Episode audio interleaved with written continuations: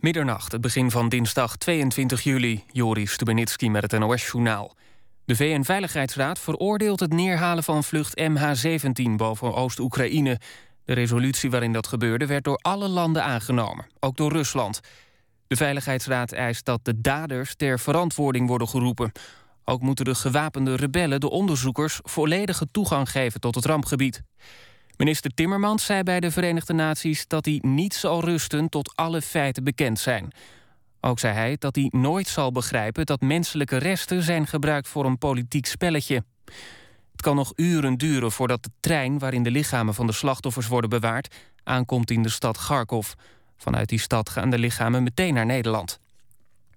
De VS geeft humanitaire hulp aan de Gazastrook. Er wordt 47 miljoen dollar uitgetrokken om tienduizenden Palestijnen te helpen... die moesten vluchten voor het geweld. In Egypte overleggen minister Kerry van Buitenlandse Zaken... en VN-chef Ban Ki-moon over de hulp. Ze proberen ook een staakt het vuren te bereiken tussen Israël en Hamas. Amerika vindt dat Israël het recht heeft zich te verdedigen tegen raketten van Hamas... maar wil dat er een einde komt aan het geweld. Hamas is niet van plan toe te geven aan de internationale druk voor een staakt het vuren. Bij een uit de hand gelopen ruzie in Alphen aan de Rijn is een dode gevallen. Twee mannen hadden een woordenwisseling op de parkeerplaats van winkelcentrum De Herenhof. Een van hen trok een wapen en schoot de ander van dichtbij neer. De schutter meldde zich later op het politiebureau en is aangehouden. Het zwakbegaafde meisje uit Rotterdam dat vorige week enkele dagen werd vermist... is waarschijnlijk seksueel misbruikt. Het Openbaar Ministerie verdenkt een man van 18 uit Den Haag van het misbruik. Hij werd vorige week met drie anderen aangehouden. Het weer, vannacht wordt het overal droog. Overdag flinke zonnige periode en 24 tot 28 graden. De rest van de week blijft het zomers warm. Dit was het NOS Journaal. Radio 1. VPRO. Nooit meer slapen.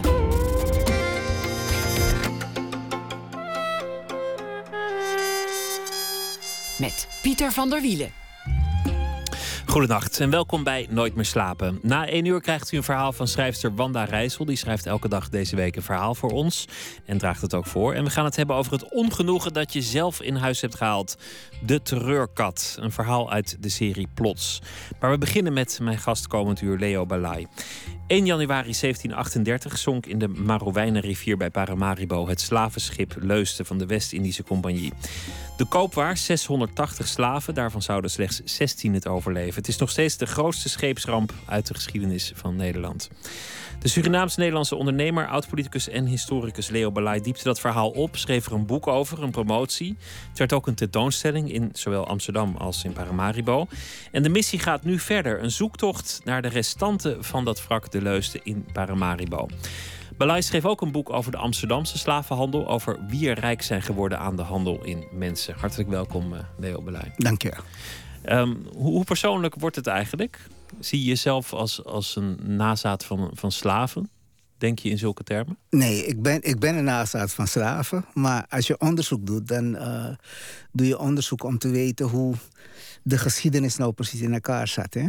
En uh, net zoals de mensen die nu, uh, de blanke Nederlanders, zich ook geen nazaten van slaven-eigenaars hoeven te voelen, voel ik mij ook geen niet op die manier belast met een slavernijverleden, maar ik ben wel een nazaat van een slaaf. Maar voor de Nederlandse geschiedenis vind ik het belangrijk dat we uitzoeken wat er nou precies gebeurd is. En hoe, hoe dat nou kwam dat je 300 jaar lang een systeem van slavernij en slavenhandel had. Nazaat van, van slaven, weet je ook precies hoe dat zit? Wie, wie er waar slaaf was en, en hoe lang dat geleden is?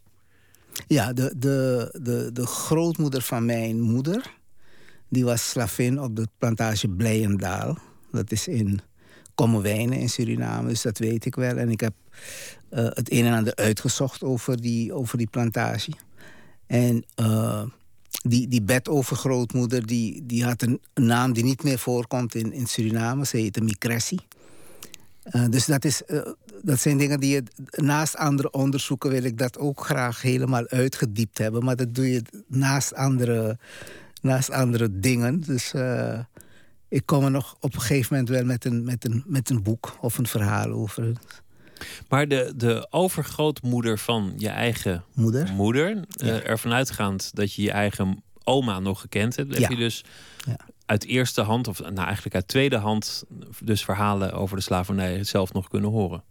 Nee, dat vertelde men in mijn gezin niet. Uh, de verhalen, dat, daar ben ik later achter gekomen. Ik, eh, je vraagt ernaar en dan zegt men ja, mijn moeder is toen en toen geboren en toen overleden. En uh, ze had één kind, vertelde mijn, vertelde mijn grootmoeder. Mijn grootmoeder is in 1900 geboren, dus die, haar moeder in 1873. Dus die was, en haar, de moeder van de moeder van mijn grootmoeder, die was dus die slavin.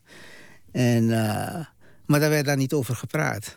Ik denk in veel, in veel Creool-Surinaamse gezinnen wordt er ook niet echt over die slavernijperiode gepraat. Waarom niet? Omdat veel mensen, uh, dat zie ik bij mijn eigen moeder ook, die, die zeggen van ja, het is zo lang geleden. Terwijl het eigenlijk niet zo lang geleden is. Zei je moeder dat ook toen je besloot om, om je erin te gaan verdiepen? Ja, dan, eh, toen stelde ik ook aan haar vragen. van hoe zat het nou met jouw grootmoeder? En spraken jullie erover? En toen zei ze van ja, altijd van die oude verhalen, die geschiedenis. En, uh, en daar wil ze er eigenlijk niet over praten. Dus je moet het een beetje eruit trekken. Van wie was nou je grootmoeder? Heb je er gekend? sprak ze over slavernij? En weet je iets van Blijendaal? En dan, dan wil ze er eigenlijk niet over praten. Dus je moet je, kan, je krijgt het niet meer uit de overlevering. Je moet het zelf uitzoeken. Waarom is dat eigenlijk bij jou wel gaan broeien, die geschiedenis, en, en bij je moeder niet? Waarom, wat was het moment dat je zelf dacht: Goh, ik, ik wil hier alles over weten? Nou, tijdens mijn, mijn, mijn, studie aan de Universiteit van Amsterdam. Uh, las ik veel over slavernij en slavenhandel. Gewoon belangstelling. Uh, eh, ook omdat het me op het lijf geschreven is, om het maar zo te zeggen. Wil het weten van hoe zit het nou dat er over de hele wereld zwarte mensen zijn die vaak in hele moeilijke posities verkeren, vaak ook gediscrimineerd worden, waarop neergekeken wordt. Uh, met name Amerika was voor mij het, uh, het grote negatieve voorbeeld. Hè, met de Ku Klux Klan, uh, de lynchpartijen, de onderdrukking van zwarte mensen, gescheiden, die segregatie tussen blank en zwart in Amerika. En dan ga je erover nadenken van hoe, komt het dat die geschiedenis is zoals die is. En dan ga je erover lezen. Was jouw studie ook in, in die tijd, in, in de jaren zestig? Nee, ik heb in, in de jaren zeventig gestudeerd. Ik heb, ik heb rechten gedaan eerst en uh, uh, bestuurswetenschappen, internationale betrekkingen. En pas veel later ben ik in die uh, slavernijgeschiedenis gerold. Dus maar dat, dat, was wel een, een tijd waarin dat heel actueel was. Ja. Met ja. de, de, Black Power en, en alle, alle artiesten die erover zongen. De hele hervormingsbeweging. Precies, ja. Het, het speelde Met toen King en Martin Luther King. En die hele beweging, ja. Het verhaal van, van het slavenschip Leusten, dat, dat is op een zeker ogenblik op je pad gekomen. Het, het moeilijke met, met de geschiedenis van de slavernij is dat de bronnen meestal in handen zijn van de blanken of van de eigenaren of van de mensen met het geld en de macht. Er zijn nauwelijks bronnen, rechtstreekse bronnen, zeker niet uit die tijd zelf, van de slaven. Nee, je hebt wel uh, een, in, in Amerika heb je wel uh, verslagen van, van, uh, van slaven, maar dat is dan uit de 19e eeuw, begin 19e eeuw. maar we hebben geen Nederlandse rechtstreekse verhalen van, van slaven, wat ze hebben meegemaakt. En de bronnen die, die, die ook in dit geval voor de leusden die ik heb geraadpleegd, zijn, zijn verslagen van kapiteins en verslagen van de West-Indische Compagnie. En dat zijn echt verslagen van wat er gebeurd is. En het schip is op die dag vertrokken. We hebben zoveel mensen aan boord genomen. Er zijn zoveel overleden. We hebben ze voor zoveel verkocht. En de achterliggende uh, verhalen, dat weet je natuurlijk niet. Het is meer de boekhouding. De boekhouding. En dat werd heel goed uh, uh, gedaan. En dat, dat levert ons ook heel veel informatie op. Maar wat, er, wat de, de, de gevangenen aan boord van het schip uh, voelden en meemaakten en bespraken met elkaar. Dat zullen we nooit weten natuurlijk. Welk, welk gedeelte van de boekhouding kwam jou onder ogen dat de aanleiding was om, om er een heel onderzoek van te maken? Nou, ik, ik, uh, ik kocht op een gegeven moment een, een boek in, in, in, in Londen... Een, uh, van een Nederlandse schrijver in het Engels, van, van Postma. En daar stond een halve pagina over, over de ramp met dit schip, de Leusden. En toen dacht ik, nou, het is zo'n grote ramp. Daar moet heel veel uh, over in bibliotheken te vinden zijn of internet. En, uh, maar ik vond niks. dus dat vond ik heel vreemd. En toen ben ik maar zelf op zoek gegaan. En het heeft me 4,5 jaar gekost om alles boven water te krijgen.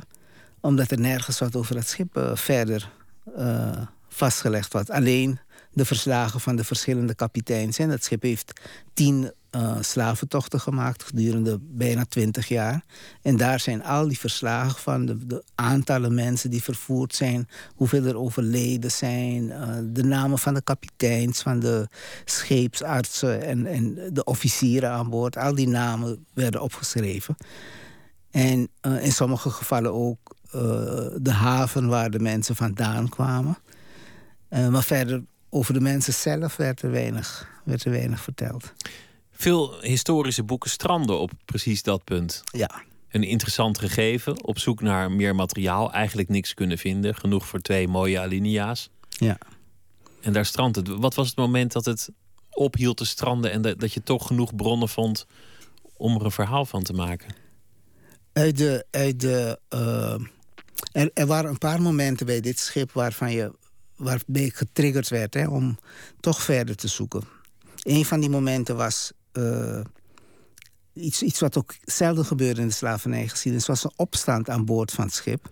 Waarbij de slaven vijf bemanningsleden doodsloegen. Dat is, dat is in die hele slavernijgeschiedenis ook een van de opmerkelijke zaken. Hè? Dat er zo weinig opstanden waren aan boord van die schepen en dat er zo weinig geslaagde opstanden waren. Dit was ook geen geslaagde opstanden, want ze sloegen weliswaar vijf uh, officieren dood, maar werden daarna uh, zelf weer te pakken genomen door, die, uh, door de matrozen en het scheepsvolk. Maar goed, omdat die bewapend waren. Maar dat, geeft, dat triggert je wel. Dan ben je toch ver gekomen in, in ja. zekere zin. Ja. En dan zie, je dat in die geschiedenis, dat wordt dan ontkend. Hè? Dus dat schip komt dan in Paramaribo aan. Het was de achtste reis, meen ik. En de kapitein die zegt daar niks over. Dat er een opstand is geweest en er vijf van zijn bemanningsleden zijn, uh, zijn vermoord. En waarom deed hij dat niet? Omdat het voor die kapitein... Uh, het was niet eens een belang om dat te vertellen. Omdat hij daardoor in een positie kwam waarbij de West-Indische Compagnie misschien zou zeggen van nou, u bent geen goede kapitein, want er breekt gewoon een opstand aan boord uit en er worden vijf van uw bemanningsleden doodgeslagen. Dus hij heeft het verzwegen. En de, toen hij in Paramaribo aankwam, toen vroeg de, de gouverneur op een gegeven moment dat, er geruchten, dat hij geruchten hoorde dat er wat aan boord gebeurd was. En toen moest hij het wel vertellen. En uh, maar, eh, ze bleven ontkennen, de, de matrozen, van ja, het, is het was niet zo erg en uh, zijn niet echt mensen doodgeslagen. Maar op een gegeven moment zie je ook in de stukken dat er inderdaad wel vijf, vijf bemanningsleden zijn vermoord door, uh, door, die, door een paar van de slaven. En, en verder wordt er niks over verteld. Hij komt dus terug naar Nederland. de West-Indische Compagnie die, die die ontslaat hem niet, die geeft hem geen reprimande. Men praat er ook verder niet over. En uh, uh, men wilde eigenlijk geen ruchtbaarheid geven aan het, de situatie dat het mogelijk was om, uh, om in opstand te komen. Dat je geen ideeën bij die slaven zou oproepen. Hè? Dat ze op, zouden denken van nou, dit, dit kan dus. Maar dit is natuurlijk het grote risico als je denkt vanuit een, een, een slavenhandelaar. Je, je, je, je voert met, nou, ik weet niet hoeveel bemanningsleden, maar in ieder geval het aantal, het numerieke overwicht van de slaven is gigantisch. Ja, enorm. Ja. Dus, dus de grote angst van de slavenhandelaar is die opstand. Ja, dat is, dat is tijdens die hele slavernijperiode is dat de grote angst geweest. Dat er een opstand zou uitbreken. En, uh, want bij die leuzen bijvoorbeeld had je gemiddeld 64 uh, bemanningsleden en 700 of 748 slaven aan boord. Dus dat is 1 op 10, 11 ja. grof uitgerekend. Ja, dat waren, dat waren hele grote uh, verschillen. En, uh, maar, maar je had een aantal redenen waarom, waarom er zo weinig opstanden uitbraken. Het eerste was dat de, de de vervoerder, de West-Indische Compagnie, had een heel uitgekiende strategie. Hè? Men nam nooit mensen uit hetzelfde volk. Dus niet een heel schip met mensen uit hetzelfde volk, maar mensen uit verschillende volkeren. En het is vaak zo dat men denkt van ja, al die Afrikanen of al die zwarte mensen, dat is één volk. Maar het, het, waren gewoon heel veel verschillende volkeren. Met heel veel verschillende talen en culturen. Waarbij soms aan boord de mensen ook van elkaar gescheiden moesten worden. Omdat er anders vechtpartijen uitbraken. Dus dat was de policy van mensen. Zodat ze elkaars taal niet verstaan. En plaats ook mensen bij elkaar die al heel lang conflicten met elkaar hadden. Waardoor je minder mogelijkheid hebt dat ze gaan samenzweren en een, uh, een opstand beramen. Dus dat was één. Uh, uh, in, in, veel televisieseries en films wordt een slavenschip voorgesteld als lange rijen zwarte mannen met, met kettingen ja. aan, aan elkaar vastgemaakt. Ja. Wat klopt er van dat beeld? Ik denk dat dat een van de dingen is die uh, we, ook nader moeten uitzoeken. Hè. Je, je, ziet in, in, in uh, historische uh, onderzoeken dat de ene historicus praat de ander na. Hè. A zegt van uh, alle slaven waren geboeid aan boord. B zegt, uh, A zegt, alle slaven waren geboeid. C zegt, A en B zeggen dat, dus het zou wel kloppen. Terwijl wat je moet doen, is, is ook je, je, afvragen bijvoorbeeld over het geboeid zijn van... De, met name de mannen. Hè? Het, het, verhaal is dat de vrouwen en kinderen niet geboeid waren aan boord. Die mochten vrij rondlopen. Het ging om de mannen. Maar het waren ijzeren uh, kettingen en, en, en, hand- en voetboeien die men gebruikte. En je moet je voorstellen dat als je twee of drie dagen met een ijzeren voetboei om je enkels loopt, dan krijg je enorme verwondingen. Dat, dat is gewoon. Dat, daar heb je geen verder bewijs voor nodig. Dus er moet een andere manier geweest zijn waarop men de mensen vervoerd heeft. En dat onderzoek dat, dat moet nog gedaan worden. Dat, Eigenlijk weten we het niet. We weten het niet. maar je kunt ervan uitgaan, althans dat, dat is een redenering die vaak gebezigd wordt, dat het niet in het belang was van, van de slaafhandelaar, of het nou in dit geval de West-Indische Compagnie was of andere landen en, en ondernemingen, ja. om de handel zwaar te, te bederven. Ja. Zo, zoals, een, zoals een groenteboer ook niet de appeltjes rot wil laten worden. Ja. Wat klopt er van die redenering? Die redenering klopt, klopt wel, omdat je uh, de, de, hele, die hele slavenhandel, het vervoer van de uh, gevangen genomen Afrikanen naar de West, naar Suriname en Amerika, was erop gericht om zoveel mogelijk geld te verdienen. En die handelswaar, dus die slaven, die moesten in een goede staat afgeleverd worden, want daar kreeg je het meeste geld voor. Dus het was in het belang van de vervoerder om ervoor te zorgen dat die mensen in een zo goed mogelijke gezondheid daar aankwamen. Dus dat is de ene kant van. De andere kant van het verhaal is dat omdat ze zo'n grote overmacht hadden, getalsmatig aan boord, dat je methoden moest bedenken waardoor ze het schip niet overmeesterden, de, de bemanning niet uh, vermoorden, niet in opstand kwamen.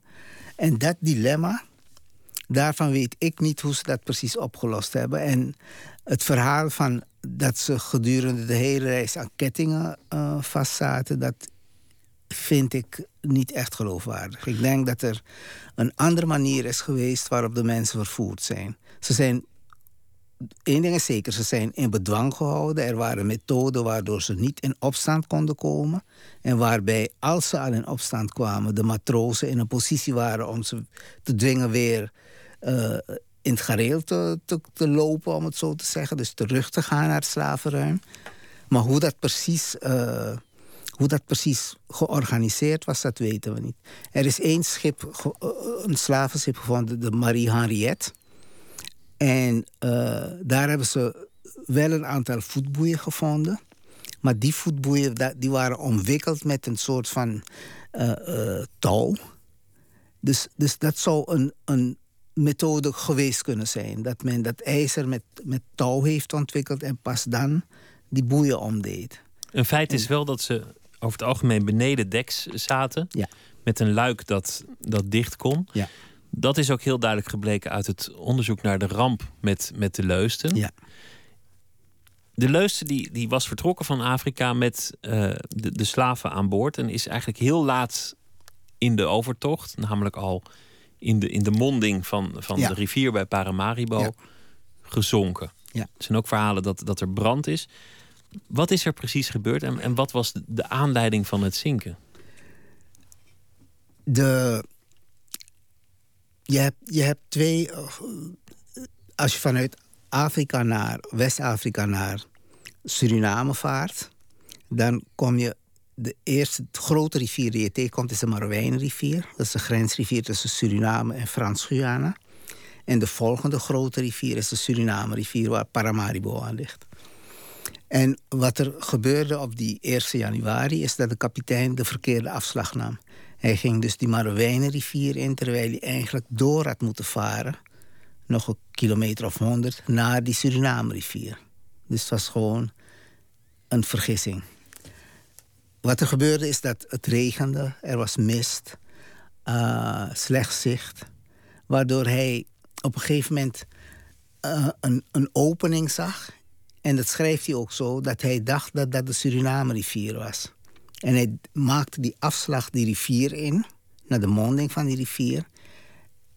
En liep toen vast. En in eerste instantie heeft hij nog uitgezocht van waar ze nou precies waren. En kwam erachter dat ze dus niet in de, Surina in de monding van de Suriname-rivier waren, maar pas bij de Marowijne-rivier. En ehm, het, het, het was slecht weer, hè? dus het schip werd op een gegeven moment naar de, de wal getild door, de, door stormachtig weer en kwam vast te zitten. En kapseisde bijna, waar de, waarbij de kapitein besloot om de masten te kappen, zodat het schip niet zou, echt zou kapseizen. En men hoopte dat bij vloed het schip weer opgetild zou worden richting zee, waarbij het weer zou gaan drijven. Maar dat gebeurde niet. En het, uh, de tragiek is, het was vier uur middags. En dat kunnen we uit de, uit de verslagen gewoon, dat werd ook opgeschreven. Want het was het moment waarop de gevangenen op dek waren om te eten. Want men kreeg om negen uur s ochtends en vier uur s middags kreeg men te eten. En omdat het zo onstuimig was, toen heeft de kapitein besloten om de mensen terug te sturen. Ze waren al op dek. Om ze terug te sturen naar het slavenruim. Ik kan het begrijpen dat als je moet navigeren en uh, het is zo'n moeilijke situatie dat je niet met zoveel mensen op dek. En je bent bang voor een opstand, dus je denkt ze zitten daar rustig. Ja. En uh, het waren 680 uh, mensen. 16 mochten op dek blijven. We weten niet waarom deze 16 uh, op dek mochten blijven. En de rest, 664, moesten terug naar het slavenruim. Maar op een gegeven moment begon het schip water te maken, want het, het roer van het schip brak.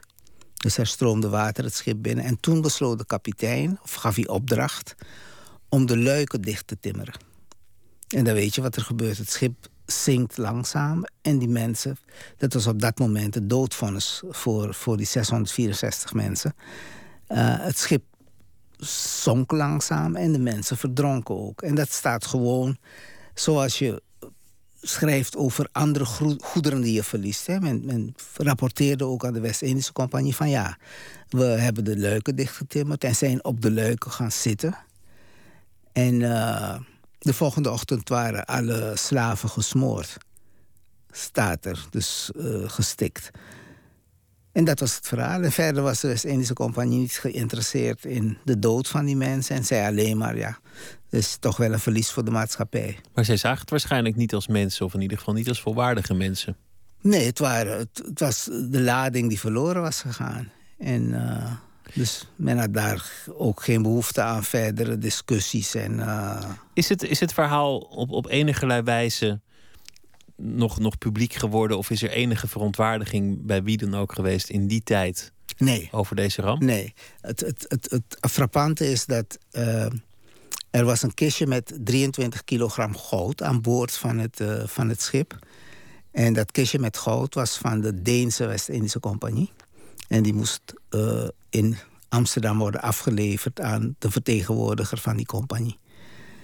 En dan zie je in de stukken dat anderhalf jaar lang is er een discussie gevoerd over het bergingsloon dat uh, de bemanning toekwam omdat ze dat kistje met goud uit het zinkende schip hadden gehaald. En daar is een hele correspondentie over tussen de West-Indische Compagnie en de kapitein van het schip en de Deense West-Indische Compagnie over de vergoeding die men wil voor het, het, uh, het bergen van het kistje met, uh, met goud.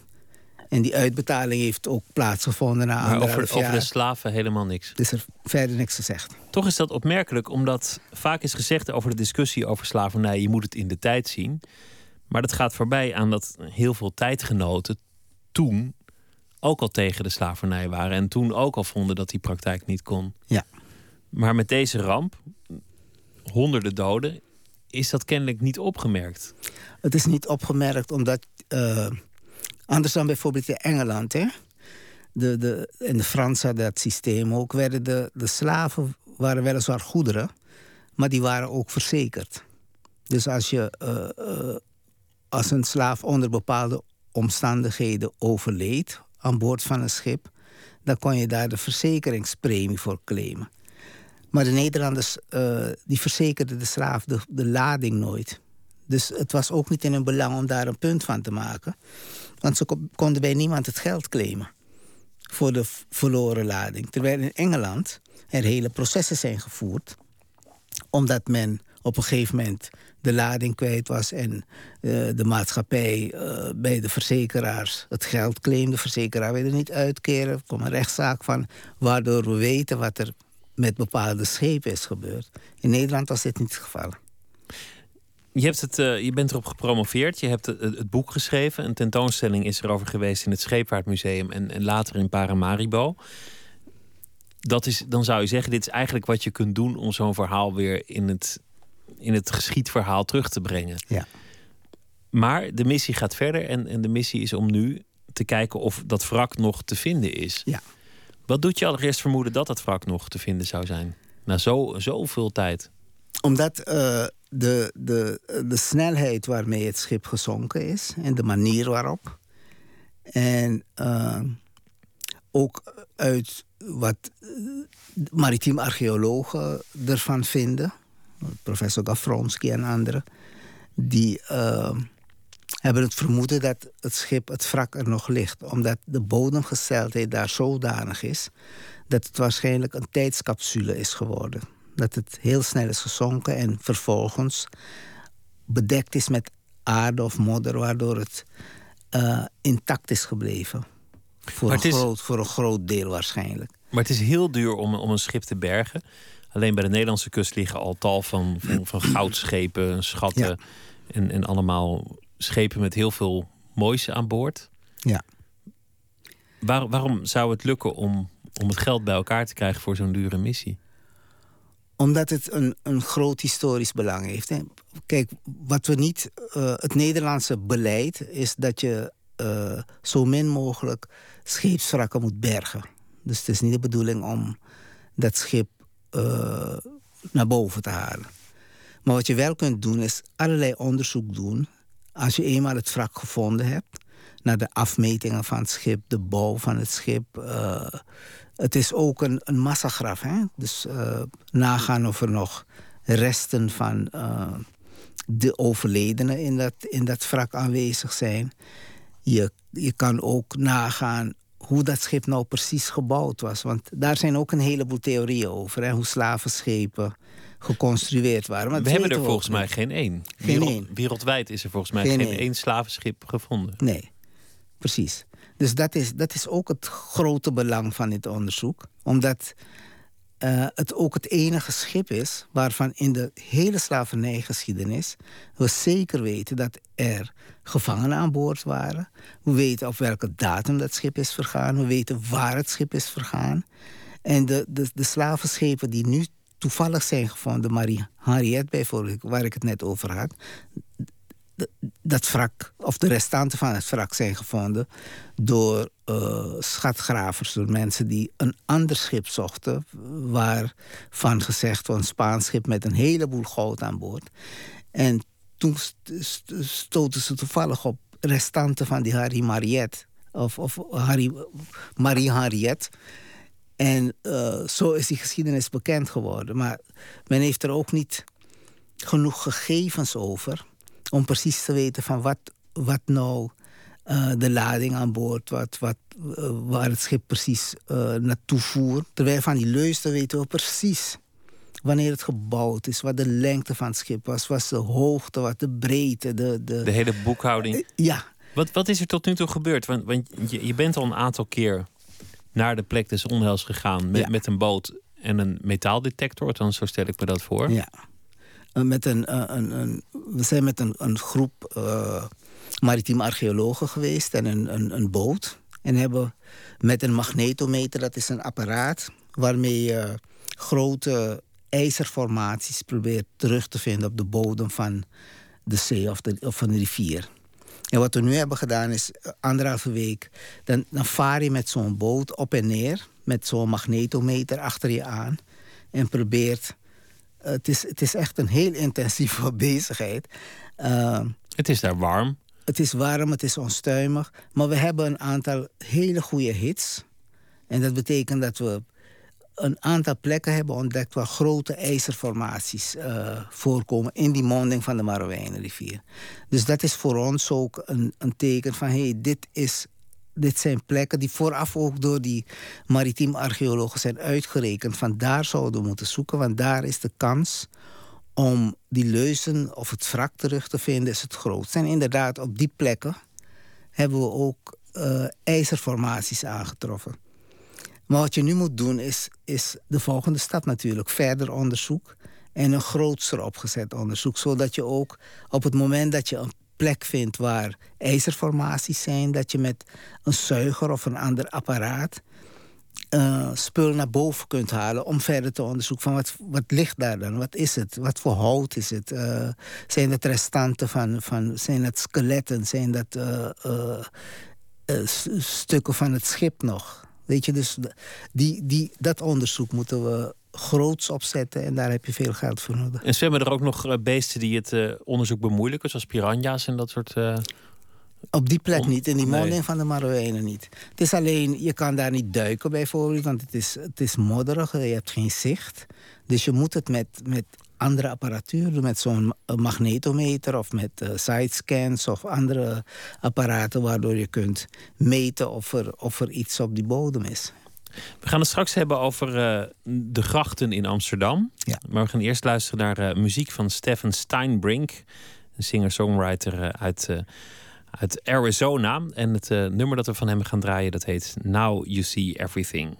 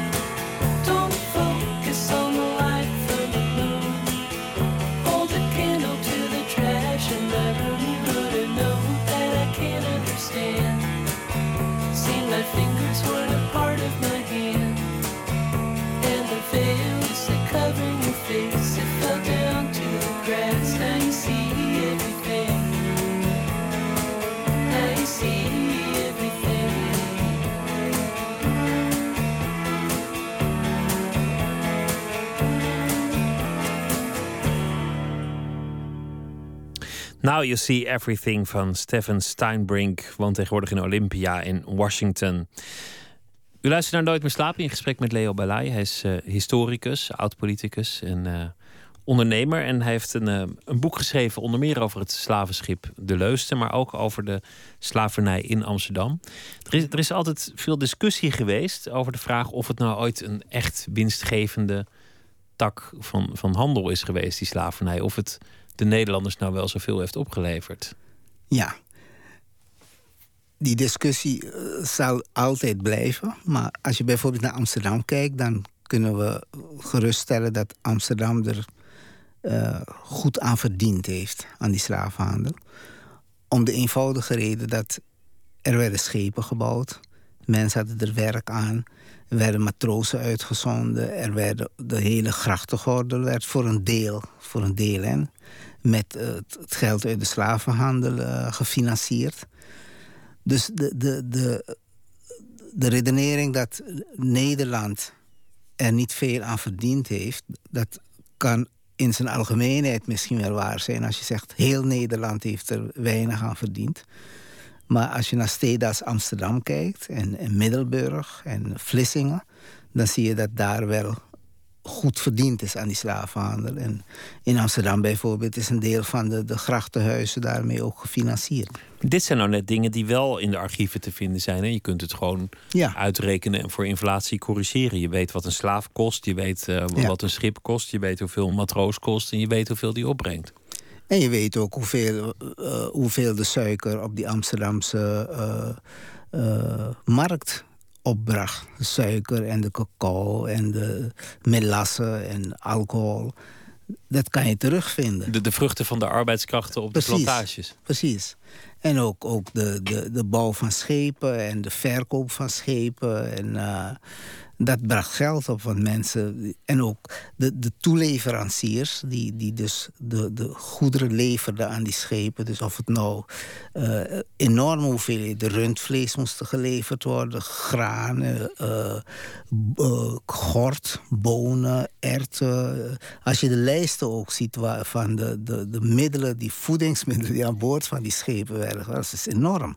En daar staan ook de namen van de mensen bij de borst van Waverens, eh, de, de huidenkopers. Dat waren allemaal mensen die, die leverden aan de schepen. En ze hadden weer mensen in dienst. En het was een hele economie die daarop uh, dreef in Amsterdam. Veel van de, van de, de rijkaards uit de Gouden Eeuw, die, die kennen wij nog. De, de, de bekende familienamen. Ja. De familie Six, er zijn er meer. De Bikkers, de, de Kooimannen. Ze zijn geschilderd door, door beroemde schilders. Ze hangen in de musea. Ja. Uh, het Rijksmuseum had een aantal jaar geleden de, de quote 500 van de Gouden Eeuw gemaakt. Heel, heel sympathiek blad werd dat. Je kunt ook inmiddels met zekerheid zeggen wie daarvan geld verdiende aan de slavenhandel.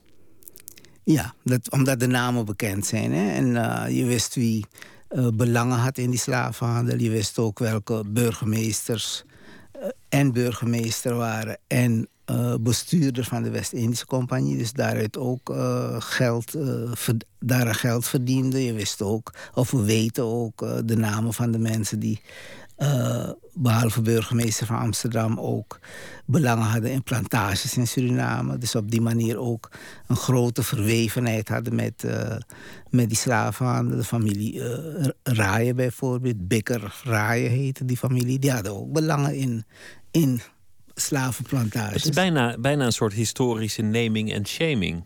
Ja, men wil, het, men wil het ook niet weten. Hè? En, of men wil het niet weten, dat is een beetje, misschien een beetje onsympathiek gezegd. Maar er is te, nog, nog te weinig onderzoek naar. ik denk dat het voor ons allemaal van belang is om ook dat stukje geschiedenis te proberen uh, boven water te halen. Maar, maar hing dat verwijt wat er nu toch vaak aanhangt er toen ook aan? Werd er toen naar gekeken met een blik van ah, verdient wel veel geld, maar het is niet allemaal helemaal zuiver? Of was het in die tijd de gewoonste zaak van de wereld? Ik denk dat er wel mensen geweest zullen zijn die uh, het, het, niet echt een goede handel vonden. Maar de meeste bestuurders, want dat was een hele kleine groep. Hè, dus dat waren mensen die aan elkaar gelieerd waren. De, de geelvinken, de, de, nou, kennen de namen in, in die Amsterdamse geschiedenis. Die elkaar verder hielpen in die handel. En uh, ja, het was eigenlijk denk ik ook geen discussiepunt van... Uh, uh, moet je het nou wel of niet doen. Het was handel, punt uit. En daar kon je geld mee verdienen.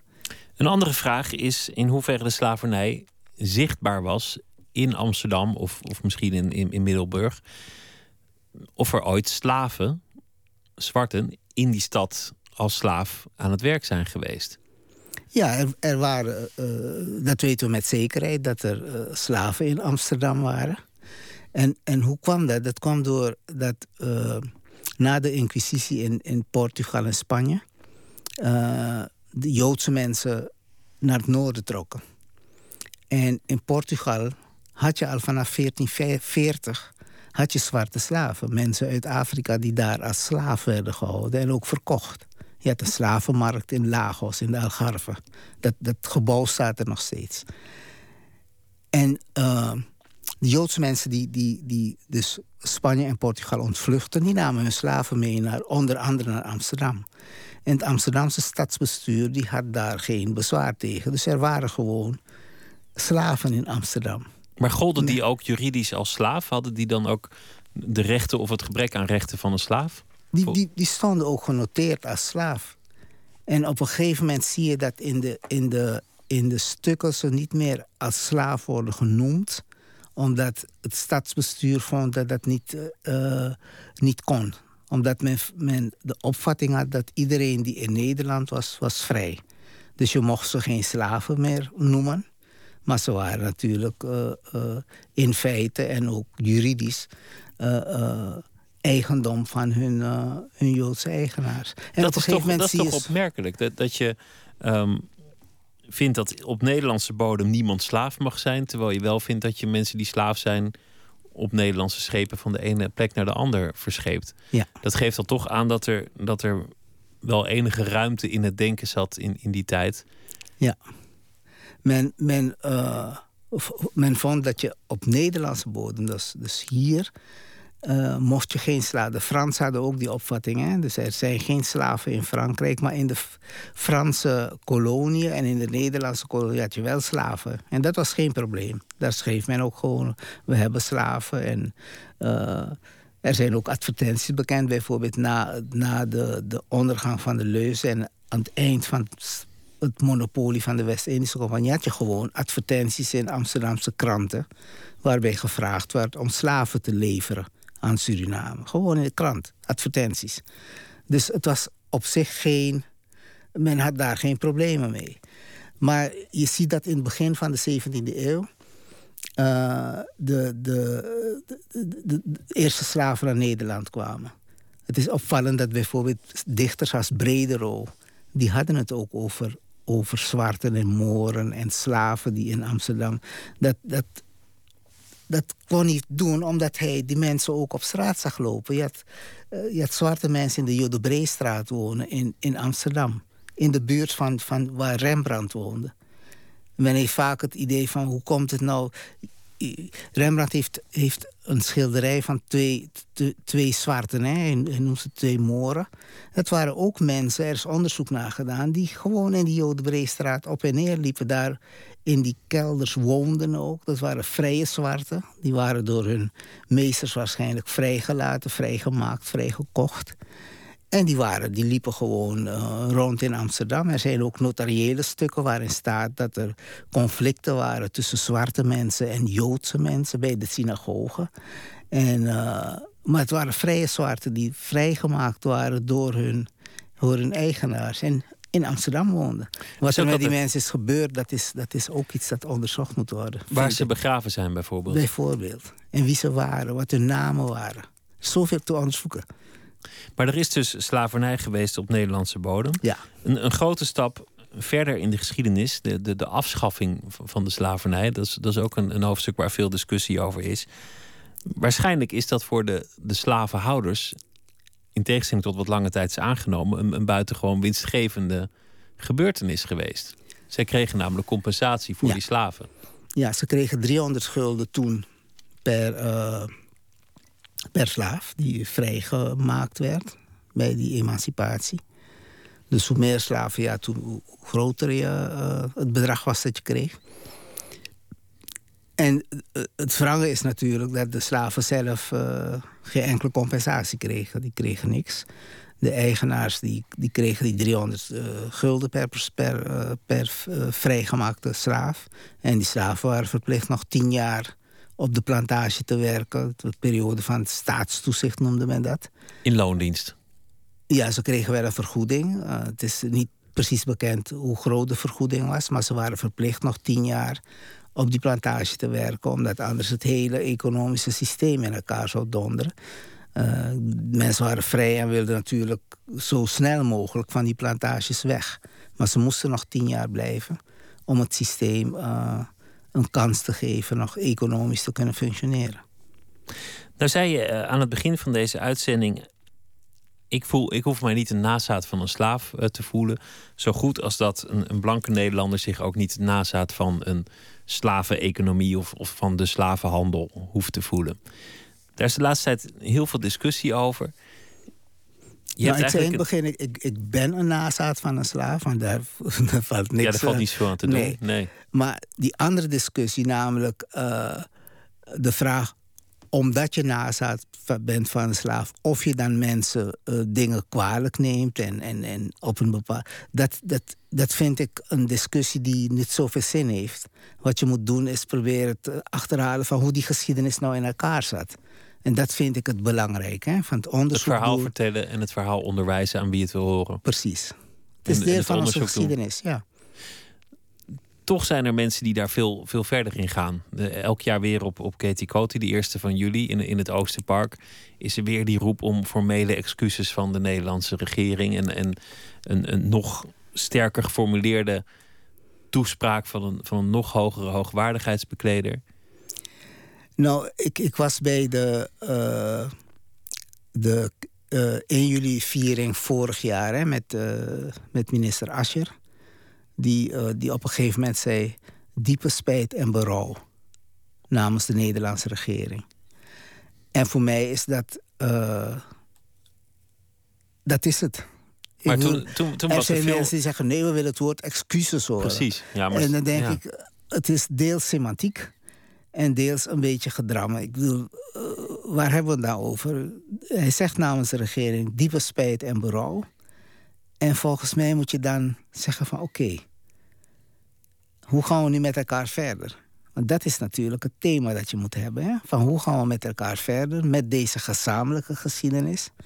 En dat spijt en berouw, dat, dat heeft hij uitgesproken. Maar waarschijnlijk eh, wil men het woord excuses per se horen. En ik weet niet wat de achterliggende gedachte daarbij is. Misschien is het juridisch relevanter om te horen excuses in plaats van spijt en berouw. Maar ik vind dat de discussie niet ten goede komen. Want zoals we ook nu erover praten, dan krijg je een situatie waarbij mensen gaan zeggen: ja, hij heeft niet, heeft niet gezegd dat hij zijn excuses aanbiedt. En dan zegt een ander, zoals ik. Ik zeg ja, ik heb gehoord dat hij zei spijt en berouw. Dat is voor mij voldoende. En dan, dan raak je in die discussie kom je terecht. En eerder was de discussie of, of er een monument moest komen, bijvoorbeeld. En, en of de, de plek prominent eh, genoeg was. Ja. Ehm, in, in Nederland is er eigenlijk een soort, soort wond opengegaan aan, aan beide kanten. Ja, rondom eigenlijk een van de onnozelste rituelen die het land kende, namelijk Zwarte Piet. Ja. Maar wat het eigenlijk heeft, heeft blootgelegd, is, is dat dit een land was dat dacht dat racisme hier totaal geen kwestie was. Precies. Ja. Dat, dat heeft mij eigenlijk verbaasd. Dat, dat het, dat het zo'n kwestie was. Maar ook dat, dat van beide kanten het zo'n enorme gevoeligheid kon krijgen. Ja. En het, uh, wat, zo, wat zo bijzonder is aan die, aan die Zwarte Piet-discussie en ook belangrijk is, is dat uh, het eindelijk begint door te dringen dat je grote groepen hebt in de Nederlandse samenleving, ook Nederlanders, dus met een andere huidskleur, die zich al jaren uh, vernederd voelen door uh, de manier waarop zo'n Zwarte Piet is opgetuigd. Hè? Met kroeshaar, dikke lippen, uh, praat een beetje gek. En, en de liedjes van, van ja. is die zwart als roet, hij bedoelt het best wel goed. Ja. Maar volgens mij is het inmiddels op een punt gekomen dat het eigenlijk dieper gaat dan dat ritueel. Althans, de, de verontwaardiging aan beide kanten is, is zo groot dat ik me niet kan voorstellen dat het alleen maar gaat over, over dat onnozele Zwarte Piet ritueel op 5 december. Volgens mij moet daar iets, iets diepers onder Nee, het gaat nu ook om uh, uh, de, de, de, de het gevoel van discriminatie dat men daarbij heeft. Hè. Als je, uh, er is op 3 juli een uitspraak geweest van de rechtbank... waarbij gezegd wordt aan de gemeente Amsterdam... Van, uh, dat zelfs de commissie voor de, voor de mensenrechten zegt van... ja, het Sinterklaasfeest is geen probleem. Alleen de, de, de, de figuur van Zwarte Piet is een racistisch symbool binnen dat Sinterklaasfeest. Dus doe daar wat aan. Dat hebben ze nu ook gevraagd van de burgemeester van Amsterdam in het vonnis. En uh, ik verwacht dat hij daar op een, op een heel prudente manier mee om zal gaan. En ik hoop dat we dan uh, een nieuwe manier vinden om die, om Sinterklaas met een aantal uh, knechten en figuren om zich heen te laten optreden zonder bevolkingsgroepen daarmee te, te beledigen en te discrimineren. En zich. Er zijn een heleboel uh, zwarte gezinnen, mensen die ik ken, die ook hun kinderen geen het Sinterklaasfeest niet mee laten vieren. En dan begrijp je dat zulke kinderen in een, in een lastige situatie komen. Is het op school? Uh, kind, andere kinderen krijgen cadeautjes omdat ze Sinterklaas vieren. En uh, jij doet dat niet omdat je, uh, omdat je zwart bent. En omdat die figuur van Zwarte Piet voor jou een belediging is. En het goede van die discussie over Zwarte Piet is dat, men, dat die discussie er is. En dat men langzaam zich gaat realiseren van we moeten het op een andere manier inkleden. Op een andere manier met die knecht van Sinterklaas proberen om te gaan. En niet meer uh, een mannetje met kroeshaar, met uh, overdreven nee. dikke lippen, et cetera. En ik denk dat we geweest. er wel uitkomen. Dus, uh... Maar hoe, hoe, hoe, lig jij in, inmiddels op dat vlak? Omdat je ten aanzien van de slavernij een, een zeer gematigd standpunt hebt eigenlijk. Onderzoeken, bekendmaken. Ja. Um, maar eigenlijk ook niet zelf enorm emotioneel doet over Nee. het verleden. Nee. Dat, dat kan eigenlijk ook niet als je iets wil onderzoeken en je bent er heel emotioneel onder. Dan Nee, je kan niet onder- constant snikkend op boven het papier hangen. Dat is, eh, Nee, het wordt heel vies. Ja. Dan krijg je, krijg je zilt papier Ja. van. Wordt dat jou wel eens verweten? Vanuit, vanuit een meer, meer radicale hoek. Ja, dat, dat gematigde, dat, dat staat sommige mensen niet aan. En uh, je, hebt, je hebt ook de discussies over herstelbetalingen, over uh, uh, wat we net over hadden, over excuses en zo. Ik vind dat niet zo, niet echt relevant. Wat je moet doen is, er is nog zoveel onderzoek te doen, hè? zoveel uh, materiaal naar boven te brengen en proberen te begrijpen wat er gebeurde en proberen verbanden te leggen. En hoe, hoe kwam het en wie, wie deed er eraan mee? Want in die hele discussie horen we nog te weinig over het aandeel bijvoorbeeld van de Afrikanen die zwarte mensen verkochten aan de slavenhandelaars. Want die waren daar als slaven en werden door, door En dat is- Afrikanen onderling verhandeld. Ja, dat is wat men zegt. Hè. Dus, eh, eh, een groot deel van de mensen waren geen slaaf. Ze werden, eh, het waren oorlogen. En- Dit is wat de Leidse historicus Piet Emmer eh, ja, dat beweert is in zijn boek. eh, makkelijke, een makkelijke redenering. Hè. Terwijl het, wat er gebeurde was, de meeste mensen waren eh, gevangenen in oorlogen. Er waren constant conflicten tussen die verschillende groepen. En eh, de- degene die overwonnen was, die werd verkocht. En de, de verkoper die verdiende eraan. Dus soms werden opzettelijk conflicten uitgelokt om mensen te kunnen eh, overmeesteren en te verkopen. Dus er was een heel netwerk van eh, eh, slavenhandelaars. Dus blanken die slaven kochten en zwarte die slaven verkochten. En dat is het interessante in deze geschiedenis om erachter te proberen te komen van hoe werkte dat nou precies. De echte drive van de, van de historicus, hoe iets zit. Je bent inmiddels, ik weet niet of ik dit eigenlijk mag verklappen, maar bezig met een, met een nieuw idee, althans voor, voor, ja, een, voor de inhoud mag je niet verklappen. Dus, uh, nee? nee, ik ben wel met een, een, een, nieuwe, een nieuw thema bezig. En uh, ik denk begin volgend jaar dat het. Uh, nou, het gaat over. Het thema gaat over de rol van de koning van Pruisen en de West-Indische Compagnie in die slavenhandel. En dat wordt een hele interessante geschiedenis. Een heel nieuw, nieuw en onbeschreven hoofdstuk in, in, deze geschiedenis. Dank dat je uh, te gast wilde zijn, Leo Balai. En heel veel uh, succes met het onderzoek en ook met de zoektocht naar uh, de, de restanten van, van het slavenschip De Leusden. We gaan luisteren naar een plaatje van Lo Feng, alias Matthew Hammerline. Een klassiek getrainde multi-instrumentalist. En zijn debuutplaat heet Blue Film. Het nummer dat wij gaan draaien heet Boris. Música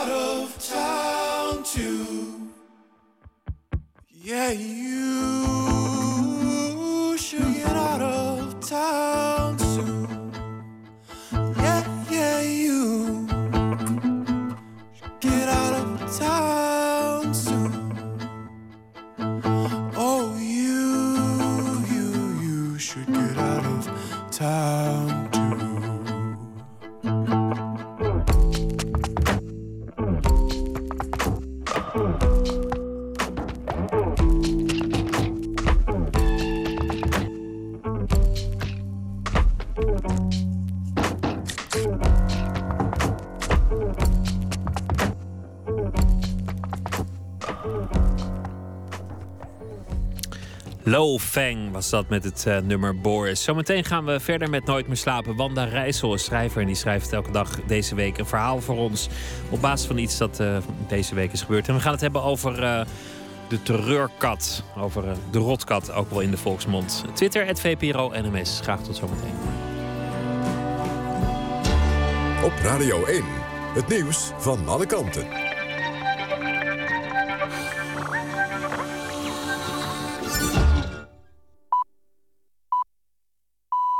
1 uur, Joris Stubenitski met het NOS-journaal. De zwarte dozen van de neergehaalde vlucht MH17 zijn overgedragen aan Maleisië. Kort na middernacht kreeg de Maleisische delegatie de vluchtrecorders... van de pro-Russische separatisten in de Oekraïnse stad Donetsk. Voor het oog van journalisten moesten ontvangstpapieren worden ondertekend. Op de zwarte dozen staan vluchtgegevens en gesprekken in de cockpit. Het lijkt er volgens de Maleisiërs op dat de vluchtrecorders in goede staat zijn... De regering van Oekraïne zei gisteren dat de rebellen hebben geknoeid met de zwarte dozen. De koeltrein met lichamen van slachtoffers is nog onderweg naar Kharkov.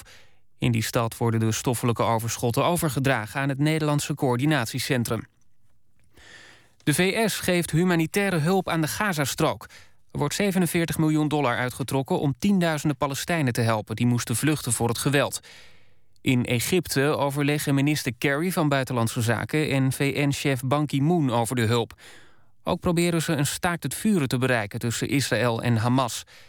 Amerika vindt dat Israël het recht heeft zich te verdedigen tegen raketten van Hamas... maar wil dat er een einde komt aan het geweld. Hamas is niet van plan toe te geven aan de internationale druk voor een staakt het vuren.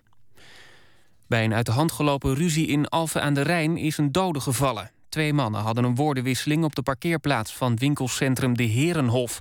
Een van hen trok een wapen en schoot de ander van dichtbij neer. De schutter meldde zich even later op het politiebureau en is daar aangehouden. Het weer. In de loop van de nacht wordt het overal droog. Overdag ook droog, flinke zonnige periode en 24 tot 28 graden. De rest van de week blijft het zomers warm. Het wordt maximaal 29 graden bij veel zon, maar plaatselijk kan ook een bui ontstaan. Dit was het NOS Journaal. Radio 1. VPRO. Nooit meer slapen.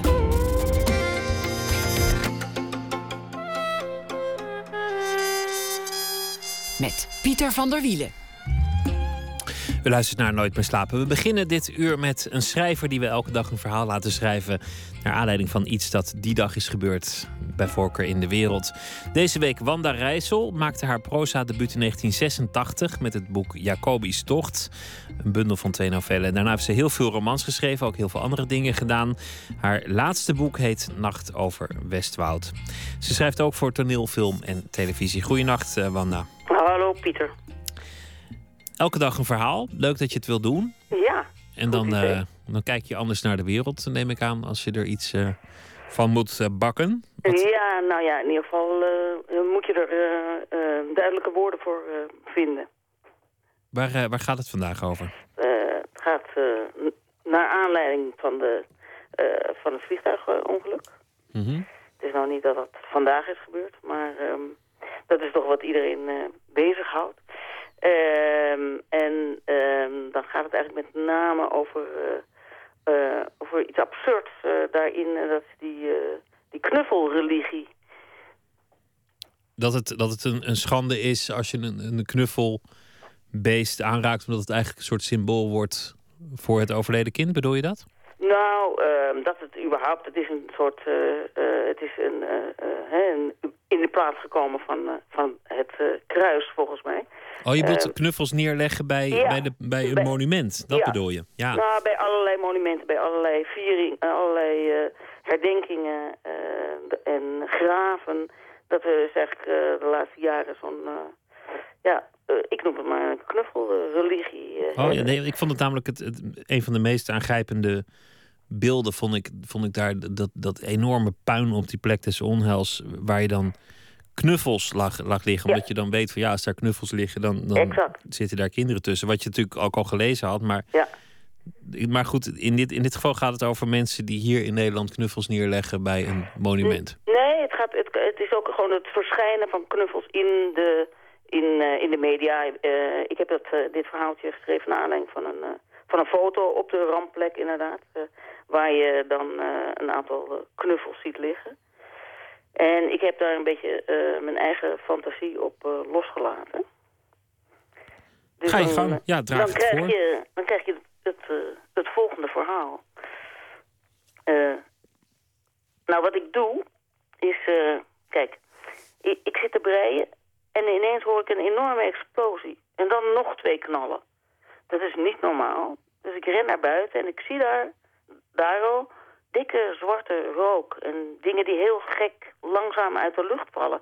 En uh, ik zie tussen die vallende spullen door mensen uit de lucht vallen.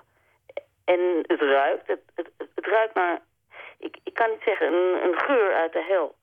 Ik zie stukken vallen, hierachter, rokende, hete stukken metaal van vleugels en koffers en kleren. Mijn mond hangt open, ik weet niet wat er aan de hand is. Het lijkt alsof ik aan de grond vastgespijkerd ben. En dan komen van alle kanten mensen uit mijn dorp aangelopen.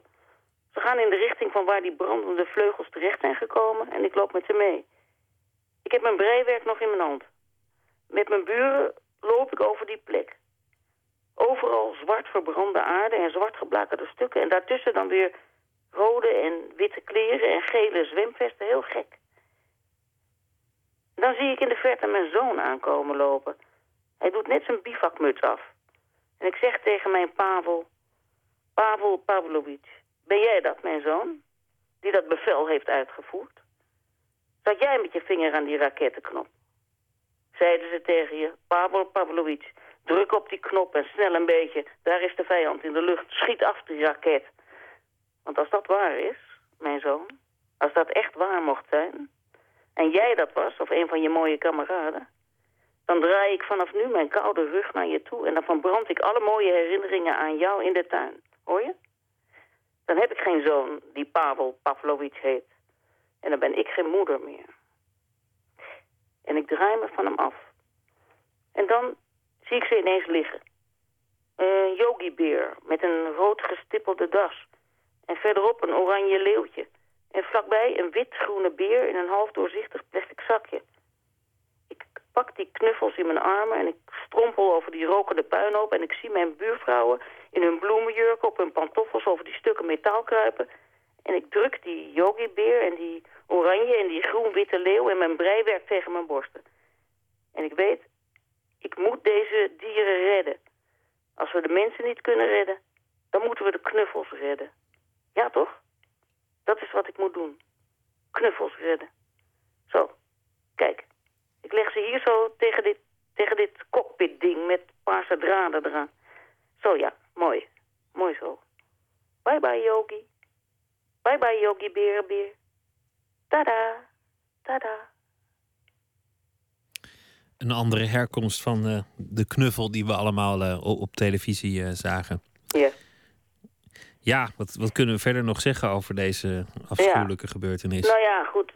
het is natuurlijk, het staat buiten kijf dat het, dat het al verschrikkelijk en, is natuurlijk. Maar um, ik zelf, ik sta echt, echt, voor, echt met mijn mond open voor deze hele knuffel, de knuffelbusiness en de de, uh, het infantiele, uh, het infantiele gedrag uh, wat, daar, wat daaruit voortkomt. Mensen hebben dus, hebben dus alleen nog maar op, op een soort kinderlijke manier iets over zo'n soort ramp te zeggen, in mijn idee. En dat, ja, daar moet ik toch ook, ook daar ook wel een beetje van huilen. Van, ja, dat is meer de vormgeving. Hè? Dat is natuurlijk ook een van de ingewikkeldste dingen. Hoe je, ja. hoe je publieke ja, uitingen van rouw vorm moet geven. Absoluut. Het is dus een, heel erg een sign of the times dat we geen ritueel meer hebben. Uh, dat dat op een, op, een, uh, op een beetje een waardige manier uitdrukt. En dat dat dus een speelgoed, speelgoeddier moet zijn. Een soort van Disney-achtige religie. Die daarvoor in de plaats is gekomen. En dat, dat, ja, dat, dat uh, valt me al, al, tijden op. Maar um, ik, ja, ik, ik, ik vind dat, dat daar toch ook iets hoe, hoe erg en hoe moeilijk het ook is, maar dat je er ook, ook een beetje wel iets over mag zeggen. Ik heb ook niks met knuffels, maar welk ander ritueel je er ook voor de plaats zult doen, uiteindelijk volstaat het toch niet. Het, nou ja, goed, we hangen natuurlijk altijd aan een absurd uh, dunne zijde draad. Uh, uh, dat is natuurlijk het probleem van... en daarom is religie uitgevonden. maar of er nou dat er nou een knuffel voor terug is gekomen. Ik weet niet of ik daar blij uh, mee moet zijn. Ach, een crucifix of een knuffel maakt mij allemaal... Dat maakt niks uit, hè? Nee. Wanda. Kijk, dat is een filosofische vraag. Heel goed. Goeienacht. Dank okay. voor je verhaal en graag weer uh, tot morgen. Oké. Okay. We gaan luisteren naar uh, Nick Mulvey dit keer. En het nummer dat we gaan draaien van hem heet First Mind.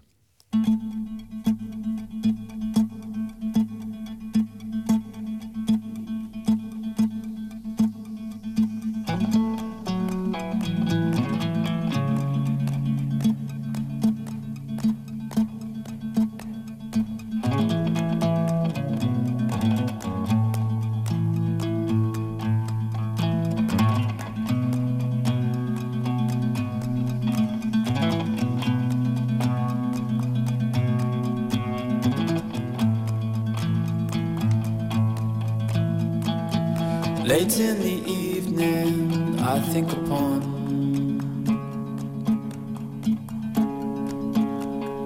you and I under the tree and the stone. My love for you is natural.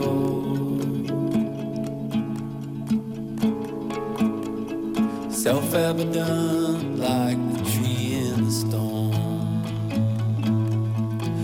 Self ever sure. Freedom of form. Lies door.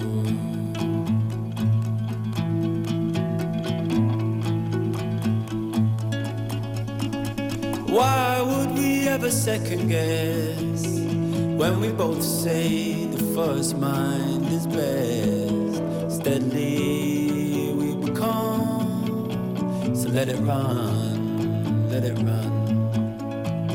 And how many times must we be stunned?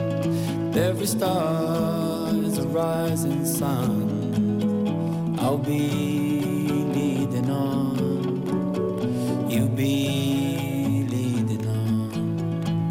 And step with the forces and spin with the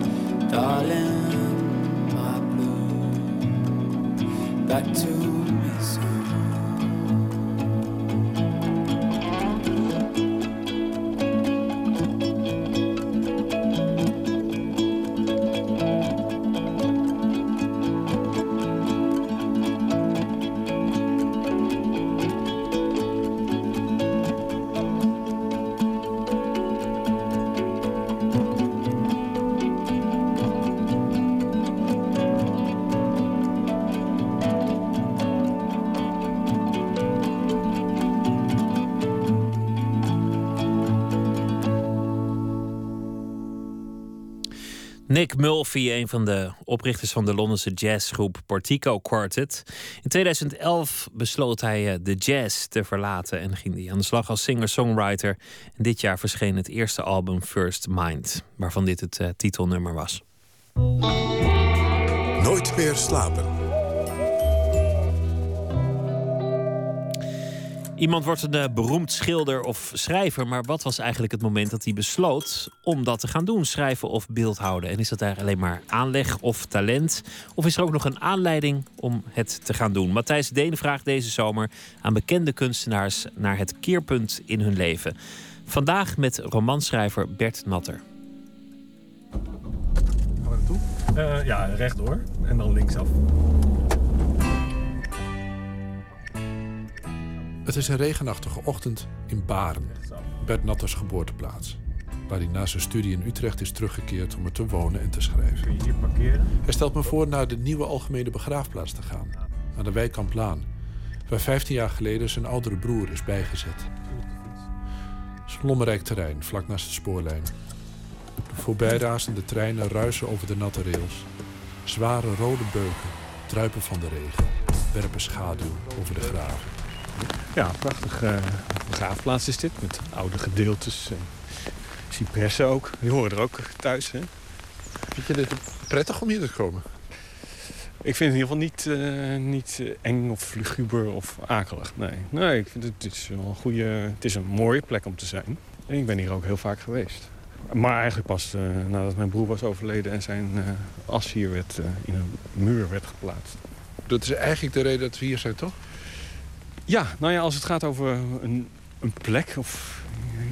Een, maar als ik nou kijk waar het elke keer op uitdraait. Als het gaat over het schrijven van romans... dan merk ik dat ik wel altijd om, om de dood van mijn broer heen schrijf. Een oudere broer? Een oudere broer, ja. Drie jaar ouder dan ik. Inmiddels al niet meer, hè. Inmiddels ben ik natuurlijk veel ouder dan hij eh, werd. Want hij eh, werd geboren in 65 en overleed in het eh, jaar 2000. 15 jaar geleden. Er staat hier een uh, meneer met een trekker. Dag meneer. Maar kijk, daar is hij. Die lichte steen. Dag lieve Wouter. Wouter, Wouter Nat, hè? Ja. En mijn vriendin toen, maar nu mijn vrouw... wij gingen eigenlijk zelden naar het buitenland op vakantie. Niet, echt niet vaak. En net toen mijn broer overleed zaten wij in uh, Engeland. En dit was in de tijd, 2000 was nog echt wel voor de mobiele telefoon. Of in ieder geval werd de mobiele telefoon nog niet veel gebruikt. dus ik belde naar huis. Uh, en toen kreeg mijn vader aan de telefoon, ja. Ja, dat was wel echt het eerste grote ding in mijn leven.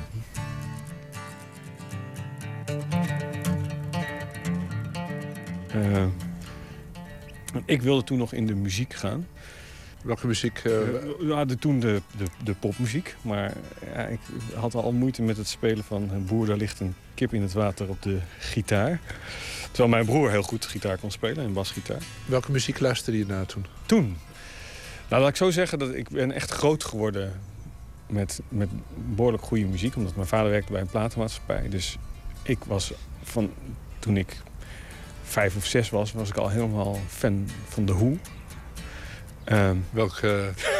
dus, dus, Tommy bijvoorbeeld en uh, uh, Quadrophenia. Dat, is de, dat vind ik eigenlijk het grote meesterwerk van Pete Townsend van The Who. Deelde jij die liefde ook met je oudere broer? Ja, zonder meer. Ja. Die was meer uh, van de uh, hard rock. Dus die luisterde naar...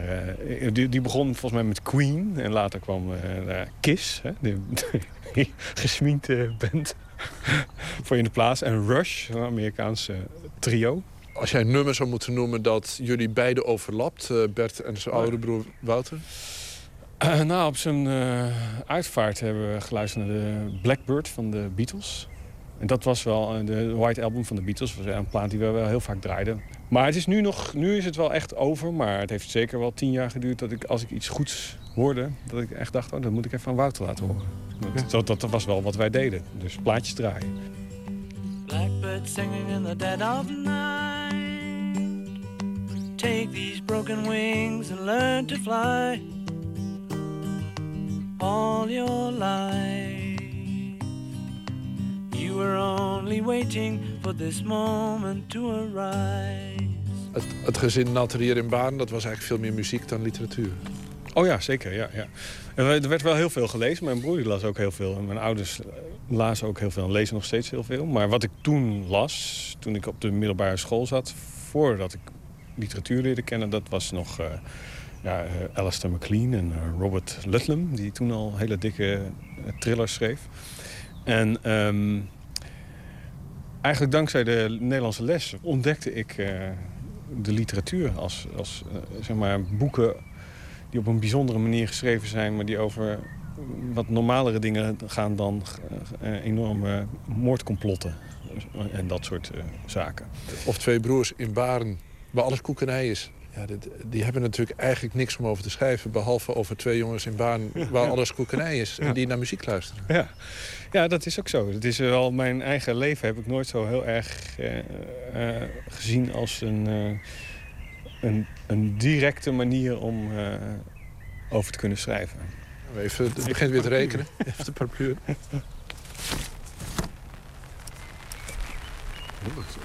Wat is er gebeurd? Ja, een, uh, een hartstilstand. Nou leefde hij niet al te gezond. Maar de schouwarts die, dat, die hem heeft onderzocht, die zei... ja, dit kan iedereen overkomen. Uh, en uh, over dat heb ik trouwens in mijn... Oh, dit, kan, dit kan iedereen overkomen. heb ik in mijn nieuwe boek, dat ik nu aan het schrijven ben... een stukje van, over geschreven. Over die, op, die opmerking die is wel blijven hangen. Van dit, had, dit, dit kan iedereen overkomen.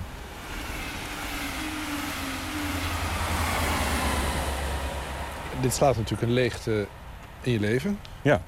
En hoe hangt dat dan samen met het schrijven? Het eerste idee voor Begeerte heeft ons aangeraakt was... een broer, ging over een, een broer van een eh, zus die was overleden. En daar had ik nog niet eens, eh, toen ik dat bedacht, da- had ik nog niet eens een idee over mijn eigen toestand, zou ik maar zeggen. Van, eh, Wat van- bedoel je met je eigen toestand? Nou, mijn eigen toestand van een broer die broer is verloren. Dat, dat was niet iets wat, dat was iets wat ik pas later, toen ik het idee al helemaal had veranderd. En toen heb ik van die zus heb ik, eh, een meisje gemaakt dat in een inrichting zit. En dat eh, om redenen van het overlijden van haar vader uit die inrichting wordt gehaald. En dan verliefd wordt op de eigenlijke hoofdfiguur van, van het boek. Een bezoeker eigenlijk van het huis waar zij woont. Ehm, achteraf eh, zagen een paar mensen onder wie trouwens Wim Hazeu en een andere vriend. Die zeiden meteen, toen ze het hadden gelezen... Dit gaat over je broer. Want wat er ook nu in dat boek zit, is, eh, is een beste vriend. Die bij de, bij de beste vriend van de hoofdfiguur die omkomt bij de, ramp in, eh, de vuurwerkramp in Enschede. Als je hier komt, wat doe je dan? Blijf je hier staan, eh, daarna kijken of loop je er naartoe? Wat doe je eigenlijk? N- n- Als ik hier ben, dan ik kom hier nu nog twee keer per jaar gemiddeld. Dus op zijn verjaardag en op zijn sterfdag. Eh, en dan loop ik daar wel heen en dan heb ik bloemen bij me of zo. En die zet ik daar dan neer. En dan, maar dan ben ik meestal met mijn ouders en mijn gezin. Maar in het begin kwam je hier wel alleen. Ja, heel vaak. En dan kwam ik hier bijna elke dag toen die, toen die steen er net was, zou ik maar zeggen. Dus dat duurt dan een tijdje. Hè. Die is niet meteen... Die krijg er niet bij als iemand doodgaat. dus die, eh, toen die één keer was eh, gemaakt, en, eh, nou ja, dan werd hij daarop geschroefd. Dat was ook nog een soort ritueel, een soort bijeenkomstje. En daarna ben ik echt wel vaak in mijn... want ik woonde aan de andere kant, of ik werkte aan de andere kant van het bos. Dus dan stapte ik op de fiets in een lunchpauze. En dan fiets ik hierheen. En dan ging ik hier, er staat een bankje. Kunnen we even erheen lopen. De treden. Eh, dat was toen een ander bankje, maar dan ging ik hier zitten. Maar waarom eigenlijk? Ja, nou, ik vond het wel heel erg moeilijk, ja. Ik was er wel echt heel erg verdrietig over. En er staan hier, eh, dus er is hier een bloemperkje met wat eh, wilde roosjes, denk ik, roze. En daar, in het midden daarvan staan, staan drie zuilen van een soort harde steen. Graniet, denk ik. Ja, een soort graniet. En, eh, en ik heb daar vaak naar zitten kijken, naar die drie. Dus één hele grote, dat is natuurlijk mijn vader. Eén iets eh, kleinere, dat is mijn moeder. En een, eh, een- echt een kleine, een, een jonkie. Een jonkiezuil. En dat ben ik. En, en mijn broer die zit in de, in de muur, zou ik maar zeggen. Daar heb ik toen wel vaak over gedacht. Van, eh, dat, dat kwartet, zou ik maar zeggen, dat we vormden... dat is nu tot een trio geworden. En, eh, en de meest, het meest waarschijnlijke scenario is dat ik daarvan eh, alleen overblijf. Van wat, wat mijn gezin was met mijn ouders. En de, die, dat soort gedachten over hoe dat zou gaan of zo... die had ik tot het jaar... Totdat mijn broer overleed, heb ik die nooit gehad. Ik heb er nooit over nagedacht. Ja, je, hoeft natuurlijk niet al op zo'n vroege leeftijd eh, met die problematiek bezig te zijn. Maar dit, wat dat betreft is die gebeurtenis van je broer natuurlijk ook een soort koevoet geweest. Waar die, Ja, zonder meer, ja. En dat heeft wel, eh, nou ja, het, heeft wel echt veel betekend ook wel in de zin in, in hoe ik bijvoorbeeld, eh, ik kon tot die tijd echt wel heel goed in zo'n uitgeverij functioneren en duizend dingen tegelijk doen, wat een beetje hoort in de uitgeverij. En na zijn dood heb ik daar wel echt moeite mee gehad en ben ik echt dingen één, één voor één gaan doen. Waarom is dat, denk je? Ja, nou, ik weet niet. Ik, ik kan het niet. Ja, het heeft me in ieder geval. Het heeft wel echt een, een, eh, een diepe afgrond in mij geslagen. En is het nou zo dat je hem laat voortleven... of dat je hem een plek hebt gegeven dat niet noodzakelijkerwijs sterft? Of wat kan kunst daar doen? Ja, zonder dat het heel direct ehm, over hem gaat. Of, of, of dat het heel direct ehm, iets eh, betekent voor zijn nagedachtenis. In, in bredere zin, behalve dan bijvoorbeeld voor mijzelf. Is het wel zo dat ik denk... En dit is natuurlijk allemaal, dit, zeg ik allemaal achteraf. Het is niet iets wat ik ervaar als ik ermee bezig ben of zo. Maar ik denk wel dat ik heb geprobeerd om iets moois van te maken. Dus om, eh, in de zin van iets dat raakt, iets dat ontroert. Dat is niet iets waar ik me be mee bezig hou als ik aan het schrijven ben. Maar het is wel iets dat ik constateer als ik het probeer zelf te bekijken. Kan kunst iets vervangen uit het echte leven? Laat ik het zo zeggen, er is een, uh, een kwaliteit aan onechtheid... als ik kunst even ten onecht noem ten opzichte van de werkelijkheid... die, ja, die het gewoon uh, boven de werkelijkheid laat uitsteken, denk ik. De, ik ja, er zijn ook talloze uh, aria's in de barok... waarin het gefluit van vogels wordt nagedaan, bijvoorbeeld. Nou, dat is altijd ontroerender en virtuozer en uh, mooier dan het echte gefluit. En dat is, nou ja, dat, dat is wel wat, wat, wat kunst kan doen. ook in schilderijen natuurlijk. Een stilstaand beeld waarvan je, zoals het Joodse bruidje van Rembrandt... waarvan je meteen ziet, dit is geschilderd. Hoe kan het dat het dan zoveel meer emotie oplevert... dan wanneer je dat tafereel in het echt zou zien? Nou, dat is het grote uh, raadsel van uh, kunst. En dat is wel echt wat mij uh, op, op, mijn eigen eenvoudige wijze zou reven zeggen. Maar toch is dat wel mijn ambitie. Dat is echt wat ik probeer.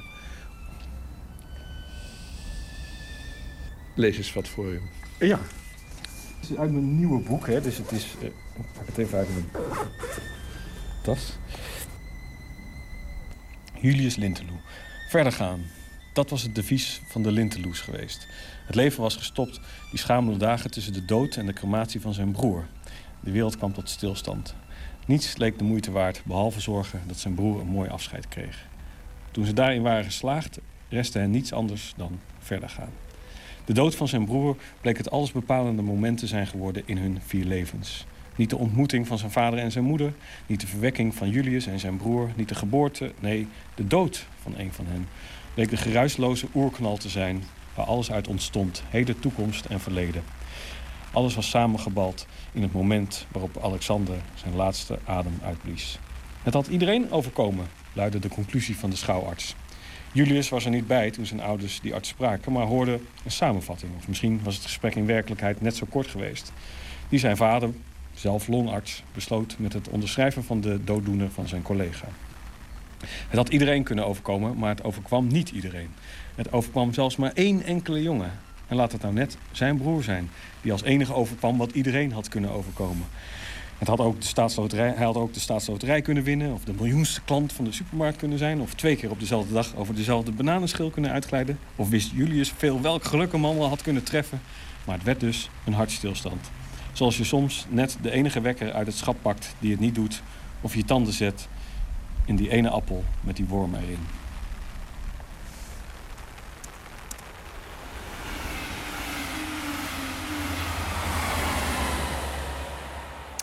Het vierde deel van Het Keerpunt, een serie van verslaggever Matthijs Deen. En donderdag gaat hij terug met de Vlaamse romanschrijver Erwin Mortier naar het dorp van zijn jeugd, Hans Beke.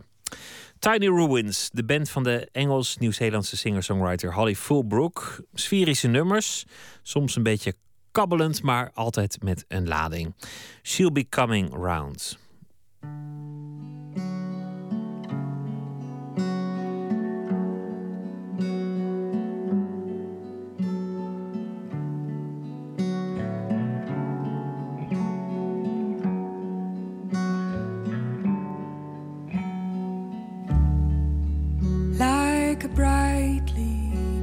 one. Freed from the turning of the wheel. Her mane a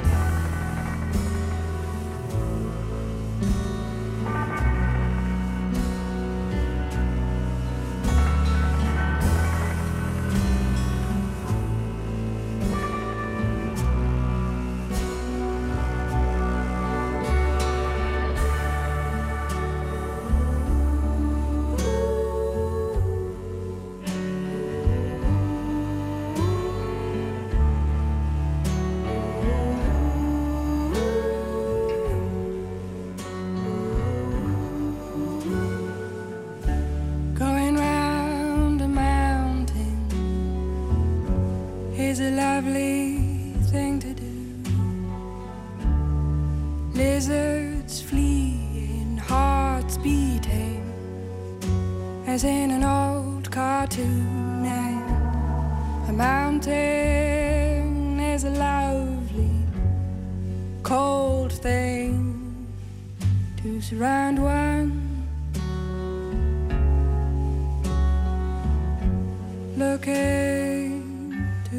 understand,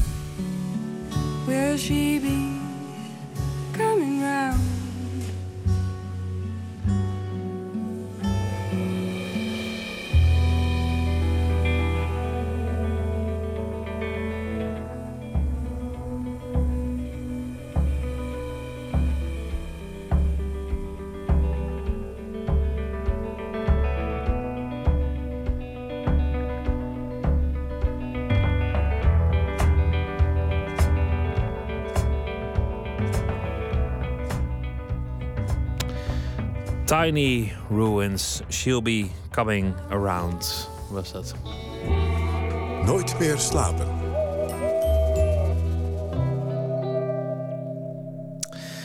U luistert daar nooit meer slapen. We gaan naar Sao Paulo in Brazilië. Simon van Woerden is daar ons cultureel correspondent. Hij houdt in de gaten wat er allemaal te beleven valt in uh, de mooie stad in Brazilië. Goedenacht, uh, Simon. Goedenacht. Je wilde het uh, hebben over uh, de krakers scene in Sao Paulo. Dat, uh, Klopt. Wat is, wat is dat voor krakers scene? Wat gebeurt er allemaal? Nou, um, de krakers scene op zich is, is, natuurlijk één ding. Maar het leuke is dat er ook veel dwarsverbanden bestaan tussen de artistieke community en de krakers. Dus um, het is goed gebruik, of goed gebruik, het is gebruik in Sao Paulo voor kunstenaarscollectieven om hun eigen um, ruimtes te zoeken. En dat is ook hard nodig, want er wordt niet veel publiek geld aan, uh, aan beschikbaar gesteld. Zo'n 1 promiel van de uh, Rijksbegroting is voor cultuur bestemd. Um, dus uh, een van die initiatieven was Ovidor 63, 63. Um, dat is een, een hele grote groep kunstenaars uit Sao Paulo. Die hebben de handen ineens ineengeslagen en een groot pand achter de kathedraal van Sao Paulo bezet op 1 mei. Uh, het pand is zo'n uh, 13 verdiepingen. En um, dat staat, stond al sinds 2005 leeg. En de kunstenaars hebben gezegd, uh, nou, daar, daar kunnen wij wel wat mee. 13 Zijn verdiepingen? Ja, ja, het is een enorm oud fabrieksgebouw. Um, ijzerindustrie zat erin. Het is, nou, al decennia geleden is, dat, is die industrie allemaal uit het centrum vertrokken. Um, dus toen heeft de, de overheid heeft het gebouw in bezit genomen. Is er nog een tijdje een sociaal woningproject geweest in samenwerking met de universiteit. Ook met krakers was dat, maar sinds 2005 uh, gebeurde er eigenlijk al niets meer. Dus de kunstenaars dachten dat kunnen wij beter. Zijn er ingetrokken op 1 mei met, met veel vertoon. En sindsdien bezetten ze dat daar en, en gebruiken ze dat als hun, hun cultuurpaleis. Hoe verhoudt de overheid zich tot tot het kraken? Want, want in Nederland werd dat vroeger nog wel gedoogd. En in andere landen ook wel. Maar de Braziliaanse politie kan ik me toch niet echt voorstellen dat die zeggen: ach, kraak maar lekker een pand van 13 verdiepingen, dat vinden we leuk voor jullie. Nee, in principe uh, is er niet een, een, een, wettelijk kader wat in Nederland uh, wel is. Um, dus het is in principe niet toegestaan. Um, ze, ze, hebben wel um, een, een, team van activistische advocaten ook die hun bijstaat om toch te proberen nou ja, dit project levensvatbaar te maken. Maar een dergelijk project is vlak nadat zij er zijn ingetrokken ook ontruimd op een andere plek in Sao Paulo. dus ja, dus ze moeten ook een beetje mazzel hebben. Ik denk uh, dat het meehelpt dat dit gebouw dus al een hele tijd leeg stond, dat er geen plan mee was en dat het uh, toch best wel vervallen was. Het andere project zat in een, in een mooi, um, of een, pand, vlak naast een, uh, een belangrijke toeristische trekpleister ook. Dus daar, was, daar liep het wellicht wat meer in het oog. maar ja, ze moeten, ze moeten in principe wel vrezen dat, dat de, autoriteiten komen aankloppen. En er zijn al ehm, nou ja, de nodige legale procedures opgestart. Dus dat maakt het precair. Maar goed, een, een van de redenen dat Sao Paulo op cultureel vlak een bloeiende stad is, is dat er veel ruimte is, dat er, dat er goedkope ruimte is en dat er ruimte gekraakt wordt voor ateliers en exposities en dat er daardoor het vrij makkelijk is om iets te organiseren. Jij bent gisteren op bezoek gegaan bij dat uh, Offidoor 63. Ik zeg het maar in het Nederlands. Wat gebeurt daar zoal? Wat heb je gezien? Was het, was het ook interessant? Ja, op zich wel. Het is, uh, het is, het is op, een beetje op anarchistische leest geschoeid. Dus um, je komt daar binnen en het is een komen en gaan van mensen. Um, de meeste tussen een jaar of 20 à 30. Uh, er zit één, zat één vriendelijke man met, met een wilde bos haar en een mooie baard bij, de, bij, de, bij binnenkomst. En um, ja, toen, toen heb ik dat gebouw een beetje verkend. En eigenlijk op elke verdieping gebeurt weer iets anders. Um, op één verdieping was een, was een grote lege ruimte waar wat beeldhouwwerken stonden. Uh, nou ja, je kan, kan haast zeggen tentoongesteld, al, al is het niet, niet per se altijd open voor het publiek. op een andere verdieping was het alsof je in een soort nachtmerrieachtige omgeving terecht kwam. Allemaal zwarte verf op de muren en op de grond. een beetje blauw licht, maar toch best wel schemerend. Er stond ook een, kunstenaar in, in, vervoering wat om zich heen te kijken. Um, en weer een verdieping hoger was, een, was het project wat dus net was uitgezet. Um, had daar een, uh, een eigen verdieping vol met tenten. Uh, voor zolang zij nog niks anders hebben. en daar weer boven was een, um, een vloer waar ze, waar ze theaterworkshops gaven. Maar dit is, dus dit ja, van alles. Dit is eigenlijk wel waar in, in de Europese en Amerikaanse steden iedereen van droomt. Want we hebben allemaal graag de mythe van de bohemien kunstenaar in zijn slordige atelier die daar uh, voor een habbekrats werken maakt. Maar in, in de meest belangrijke steden van Europa is dat gewoon onbetaalbaar. Dus, dus in Londen, Parijs zul je die helemaal niet treffen. Want, want die zijn al lang de stad uitgebonjourd vanwege de hoge huren. Dit zou wel eens een reden kunnen zijn dat Sao Paulo zo'n interessante culturele stad aan het worden is. Ja, dat ben ik wel met je eens. Het het is, natuurlijk, de onzekerheid komt ook een beetje mee. En het is niet, niet makkelijk, want het pand, nou ja, de, de ramen uh, liggen er voor misschien 30% uit. Uh, natuurlijk is de, de winter hier niet zo koud als in Nederland, maar uh, toch, niet, toch niet het allerprettigst.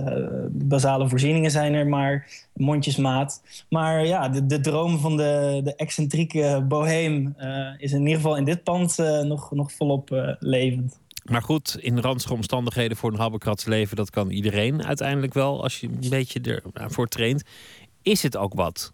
Is, is het goed? Is het zo bloeiend als het wordt geacht te zijn? Ja en nee. Um, er, zijn, er zijn een paar dingen die ik heb gezien waarvan ik wel onder de indruk was. En een paar mensen ook die er rondlopen die wel echt uh, um, nou ja, hun zaken op een rijtje hadden. Er was één, één uh, man, Giuliano, die liep daar rond met een, een, een Franse baret op zijn kop. Uh, rood, rood ding met een snorretje en een sikbaard, een bloemetjespak. Maar die liep daar wel zijn eigen verdieping um, nou ja, schoon te houden. En had een eigen kamertje waar hij wel echt aan zijn schilderkunst uh, hard aan het werk was. Um, en um, ja, ze, ze doen een hele hoop dingen ook wel waar, voor publiek. Dus workshops, muziek. Um, ze hebben een heel programma. En ja, dat kan natuurlijk ook in zo'n groot gebouw, heb je daar ook ruimte voor. maar tegelijkertijd was er bijvoorbeeld ook een man die daar wat binnenkwam en zei dat hij straatkunstenaar was en een beetje een onsamenhangend verhaal had. Um, met een fles drank daar rondliep. Ja, dus dat ook. Uh, ik denk dat het een, een, mengelmoes is van, van allebei. Dat het uh, zowel uh, mensen aantrekt die echt getalenteerd zijn en echt hard willen werken. Er zijn ook mensen van buiten de stad op afgekomen, een grote groep kunstenaars uit het zuiden van Brazilië. Uh, is hier, uh, hierbij ingetrokken. Um, dus ja, als je zo'n zo'n track maakt, dan, dan zou je zeggen, dan heb je er ook wat, uh, wat belang bij. Maar tegelijkertijd is het ook natuurlijk een eenvoudige ja, plek om, om te verblijven als je verder niks beters hebt. Dat, waar, waar dus die ene man een voorbeeld van was. Die zitten er altijd tussen. Het lijkt me alleen lastig stroom aftappen voor 13 verdiepingen. Ja, ik weet niet precies hoe ze dat hebben geregeld. Maar uh, misschien uh, wellicht helpt dat het pand eerder ook al uh, was gekraakt. Dus uh, in, toen in samenwerking met de universiteit. Um, ja, voor zover ik kon zien was op elke verdieping wel tot op zekere hoogte elektriciteit aanwezig. Het is uh, gelukt. Dankjewel, Simon. En een uh, goede nacht. En veel plezier nog uh, in Brazilië met alles wat je daar nog gaat doen, Simon van Woerden. We gaan luisteren naar de Amerikaan Joe Tex, soulzanger in de jaren 60 en 70. 1969, Buying a Book. I saw this old man with this young girl the other night. I walked over to him and pulled him off on the side, and I said, Pops, what are you trying to prove? I said, I've seen you out here every night this week with a different young girl wrapped around your arm. I said, You can't keep this pace up. Uh, because these young girls, oh, they'll certainly get you down. He said, Son, sit down here. Let me tell you something. He said, All my life I've worked hard uh, and I've saved up me a little money. He said, But just about the time I got me a nest egg saved, became a man. He says, I'm 72 going on 73 years old and don't have too many more years to live. Uh, he said, I know that I should be ashamed of myself. Uh, but he said, young girls is my weakness. Oh, yes, they are. he said, so would you please leave this old gray-haired man alone? Mind your business. Uh, let me and this young girl have us a little bit of fun. That's when I looked at him and I said, I said, all right, Pops, you got her. But listen, here's all you're doing. Oh, yes. Oh, yes. Oh, you just buy. Yeah. Buying a book. That's what I said to him. I said, listen to this. Here's all you're doing. Buy a book for some young man. That's what you're doing. to read. But don't do it. Don't do don't Oh, don't do it. Don't do it. Send that young girl on home. Mm-hmm. Then there was this middle-aged woman whose name I dare not call. Simply because you out there listening just might know who this woman is. But I can tell you this much. The woman lives right here in your town. I know you didn't know that, did you? I saw this woman with this young man in the broad open daytime the other day. I said, Miss Lady, you ought to be ashamed of yourself riding around with this young man all hugged up like this here. She said, son or son, you're dipping in my business. But if you want to know why I fool with this young man, I'll tell you. She said, I was married to a man 40 years old, and I was. Since for a long time, I was true and faithful to that one man. Since last year, he died and willed me a whole lot of money. And I know that that young man sitting in my car just wants me for my money. She said, but if that's what it takes to keep the young fine thing, oh, he can get every single dime. Because it ain't nothing an old man can do for me but show me which way a young man went. oh, oh, oh, here's what I said. I said, you're just by. Yeah, that's all you're doing That's what I told her. Listen, Miss Lady, here's all you're doing. You ought to quit it. Tree. But I said, that's your car. Drive him home. Give him all your money. I'm sorry I dipped in your business. I won't do it no more. No.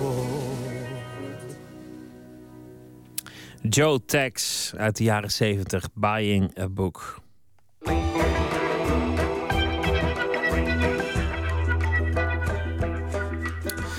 Het radioprogramma Plots het heeft uh, maar kort bestaan, maar het was uh, de moeite waard. Deze maand nemen we gewoon uh, de vrijheid om wat van hun mooiste verhalen uit die serie te herhalen. Want dat was het hele idee: een verhaal vertellen voor de radio. Het eerste verhaal uit de allereerste aflevering had het thema nieuwe huisgenoten. Het ging over ongenode gasten en uit de hand gelopen visites. Dit specifieke verhaal, daar was de gast wel degelijk welkom in. En die bleef dat ook, zelfs toen de situatie volslagen onhoudbaar was geworden. Het verhaal heet Terreurkat en het is gemaakt door Jair Stijn. Toen ik heel klein was, heb ik kuikens gehad. Ik heb geiten gehad. Ik heb kuifje gehad, konijn gehad. Um, wandelende takken heb ik gehad. Poezen. Ja, hele interessante dieren heb ik gehad. Ja, zonder twijfel heel interessant. Ja, heel leerzaam. Ik had een vriendinnetje en dat was Paloma. En zij ging naar Rome toe. Daar woonde haar vader. En die vader had allemaal zwerfkatten in de tuin. Er was een oma-kat en een moederkat. En er waren, het was allemaal generaties. En op een gegeven moment had de Sorelastra, zo heette ze... die had een eh, nest gekregen. En, maar al haar uh, kinderen waren verdronken. Want het had heel hard geregend, behalve deze.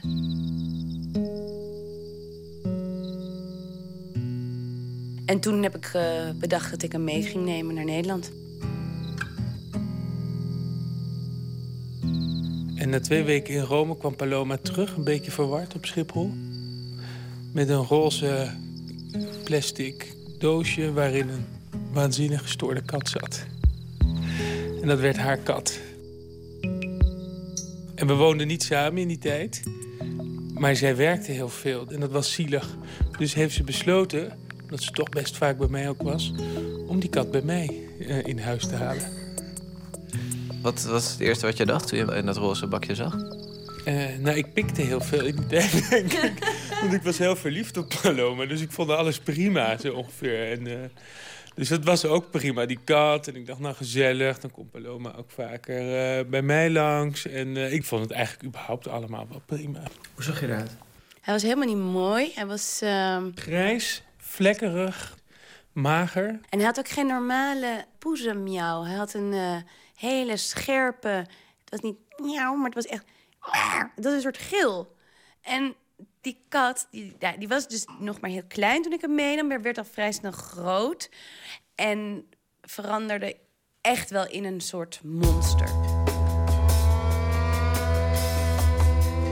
Die had een hele mooie plant. Die had ik ooit van jou gekregen. En daar ging hij bijvoorbeeld in hangen alsof het een schommel was. Maar echt. Ja, hij maakte die plant helemaal die plant, kapot. Die ging helemaal buigen en dan Ja. net zo lang. Nou, die plant ging kapot. Die gordijnen gingen in hangen, waren kapot. De bank was kapot. Hij vloog ook door de lucht.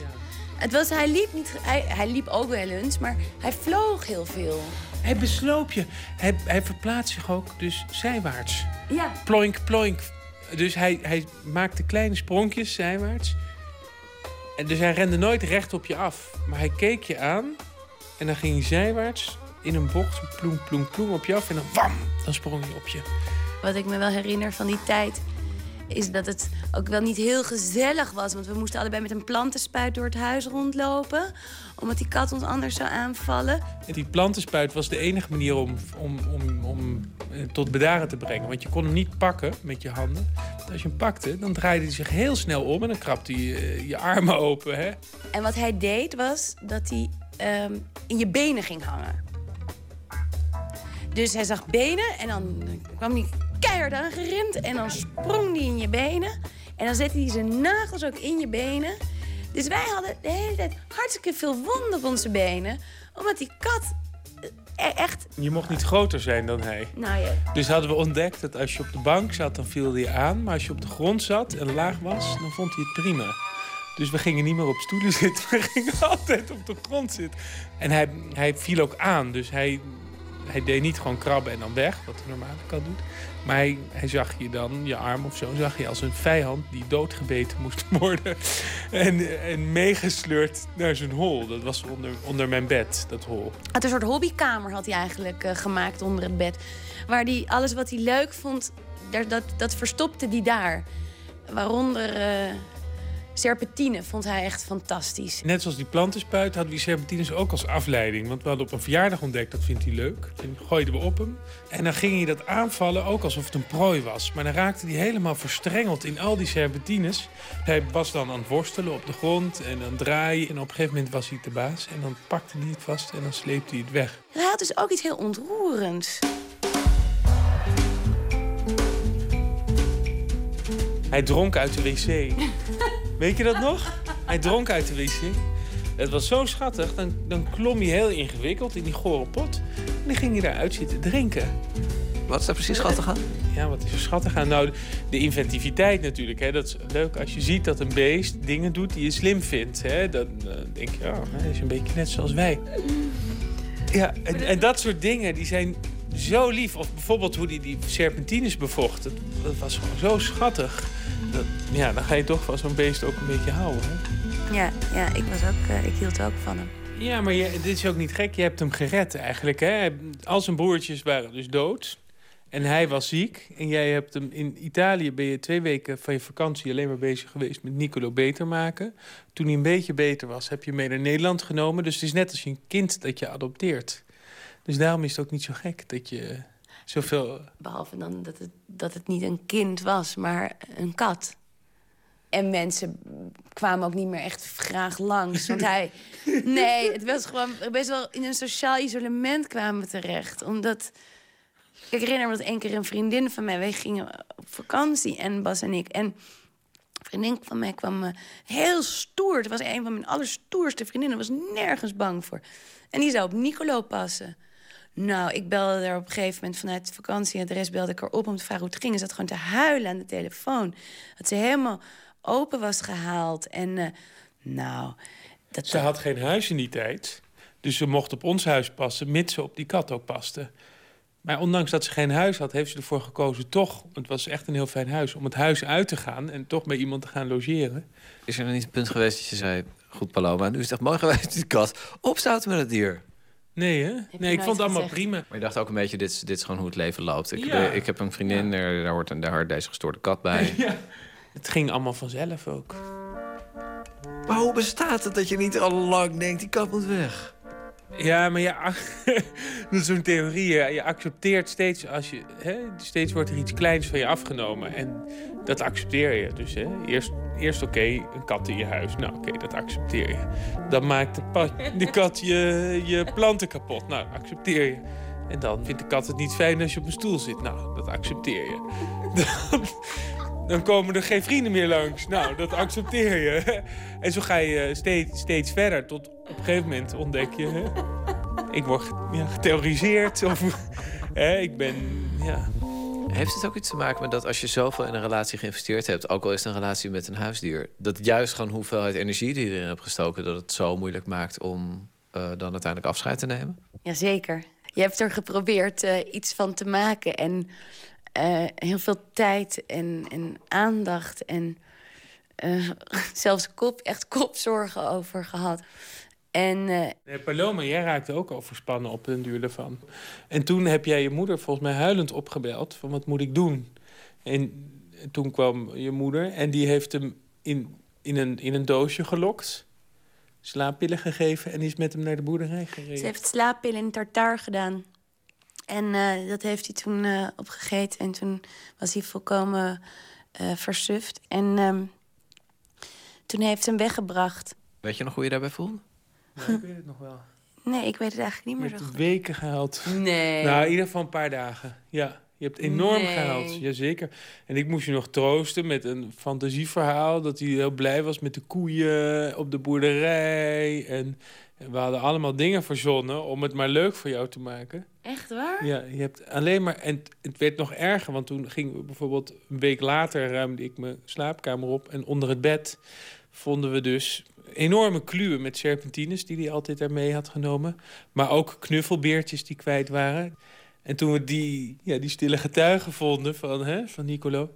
toen begon jij weer heel lang te huilen. En dat, heeft dan ook weer, dat duurde dan ook weer een avond. Oh, wat erg. Nou, dat herinner ik me niet dat het zo lang heeft geduurd. Wanneer was dit uh, geheel? Poeh. Twaalf jaar geleden. I've been kicked around in my search for happiness. I've been up and down in my struggle for success. I've stood all these things, but I can't stand losing you. Ik neem aan dat je uh, hier een soort les uitgetrokken hebt... en dat je nooit meer aan huisdieren bent begonnen. Nee, dat is dus niet waar. Ik, uh, ik heb, nu zit ik in een situatie dat ik... Uh, eigenlijk eenzelfde soort situatie, alleen met een ander dier. Namelijk een konijn.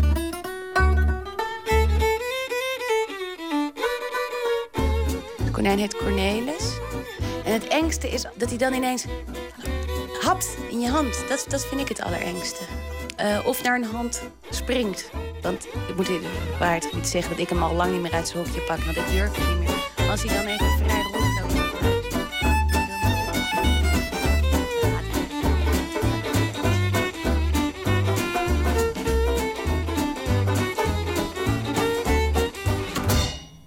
En zo bleek er dus een eh, profiel te bestaan van de eigenaar van een rottig huisdier.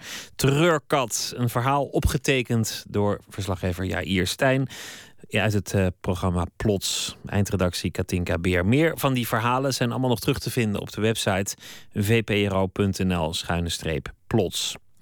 We gaan luisteren naar Big Bill Brunsey met een uh, mooi nummer voor het nachtelijk tijdstip. I Love My Whiskey.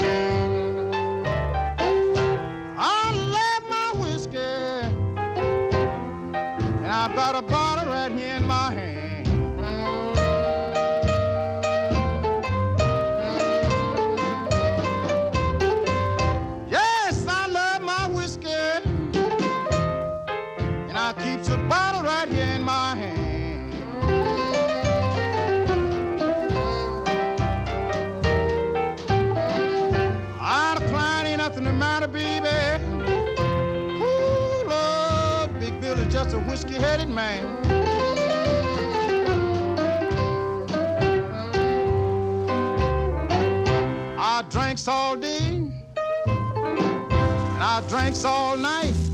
I have to just keep on drinking, baby,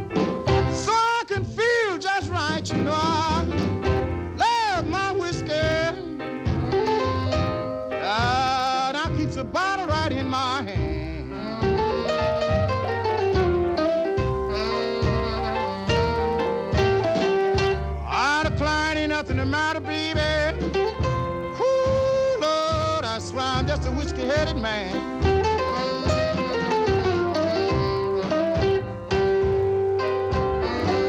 I gotta be drunk to look for a job.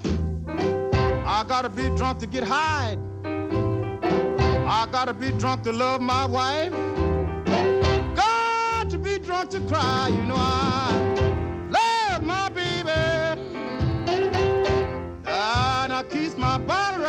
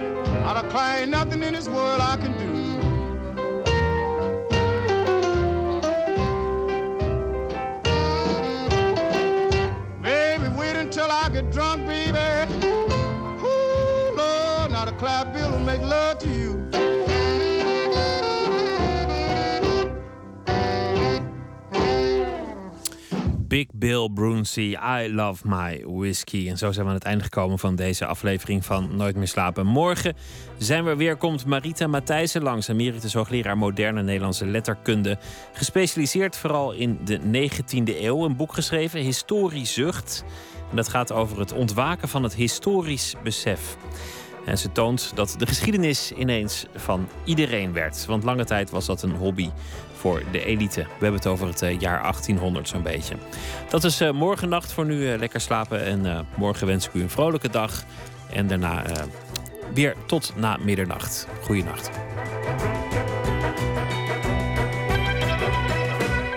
Op Radio 1.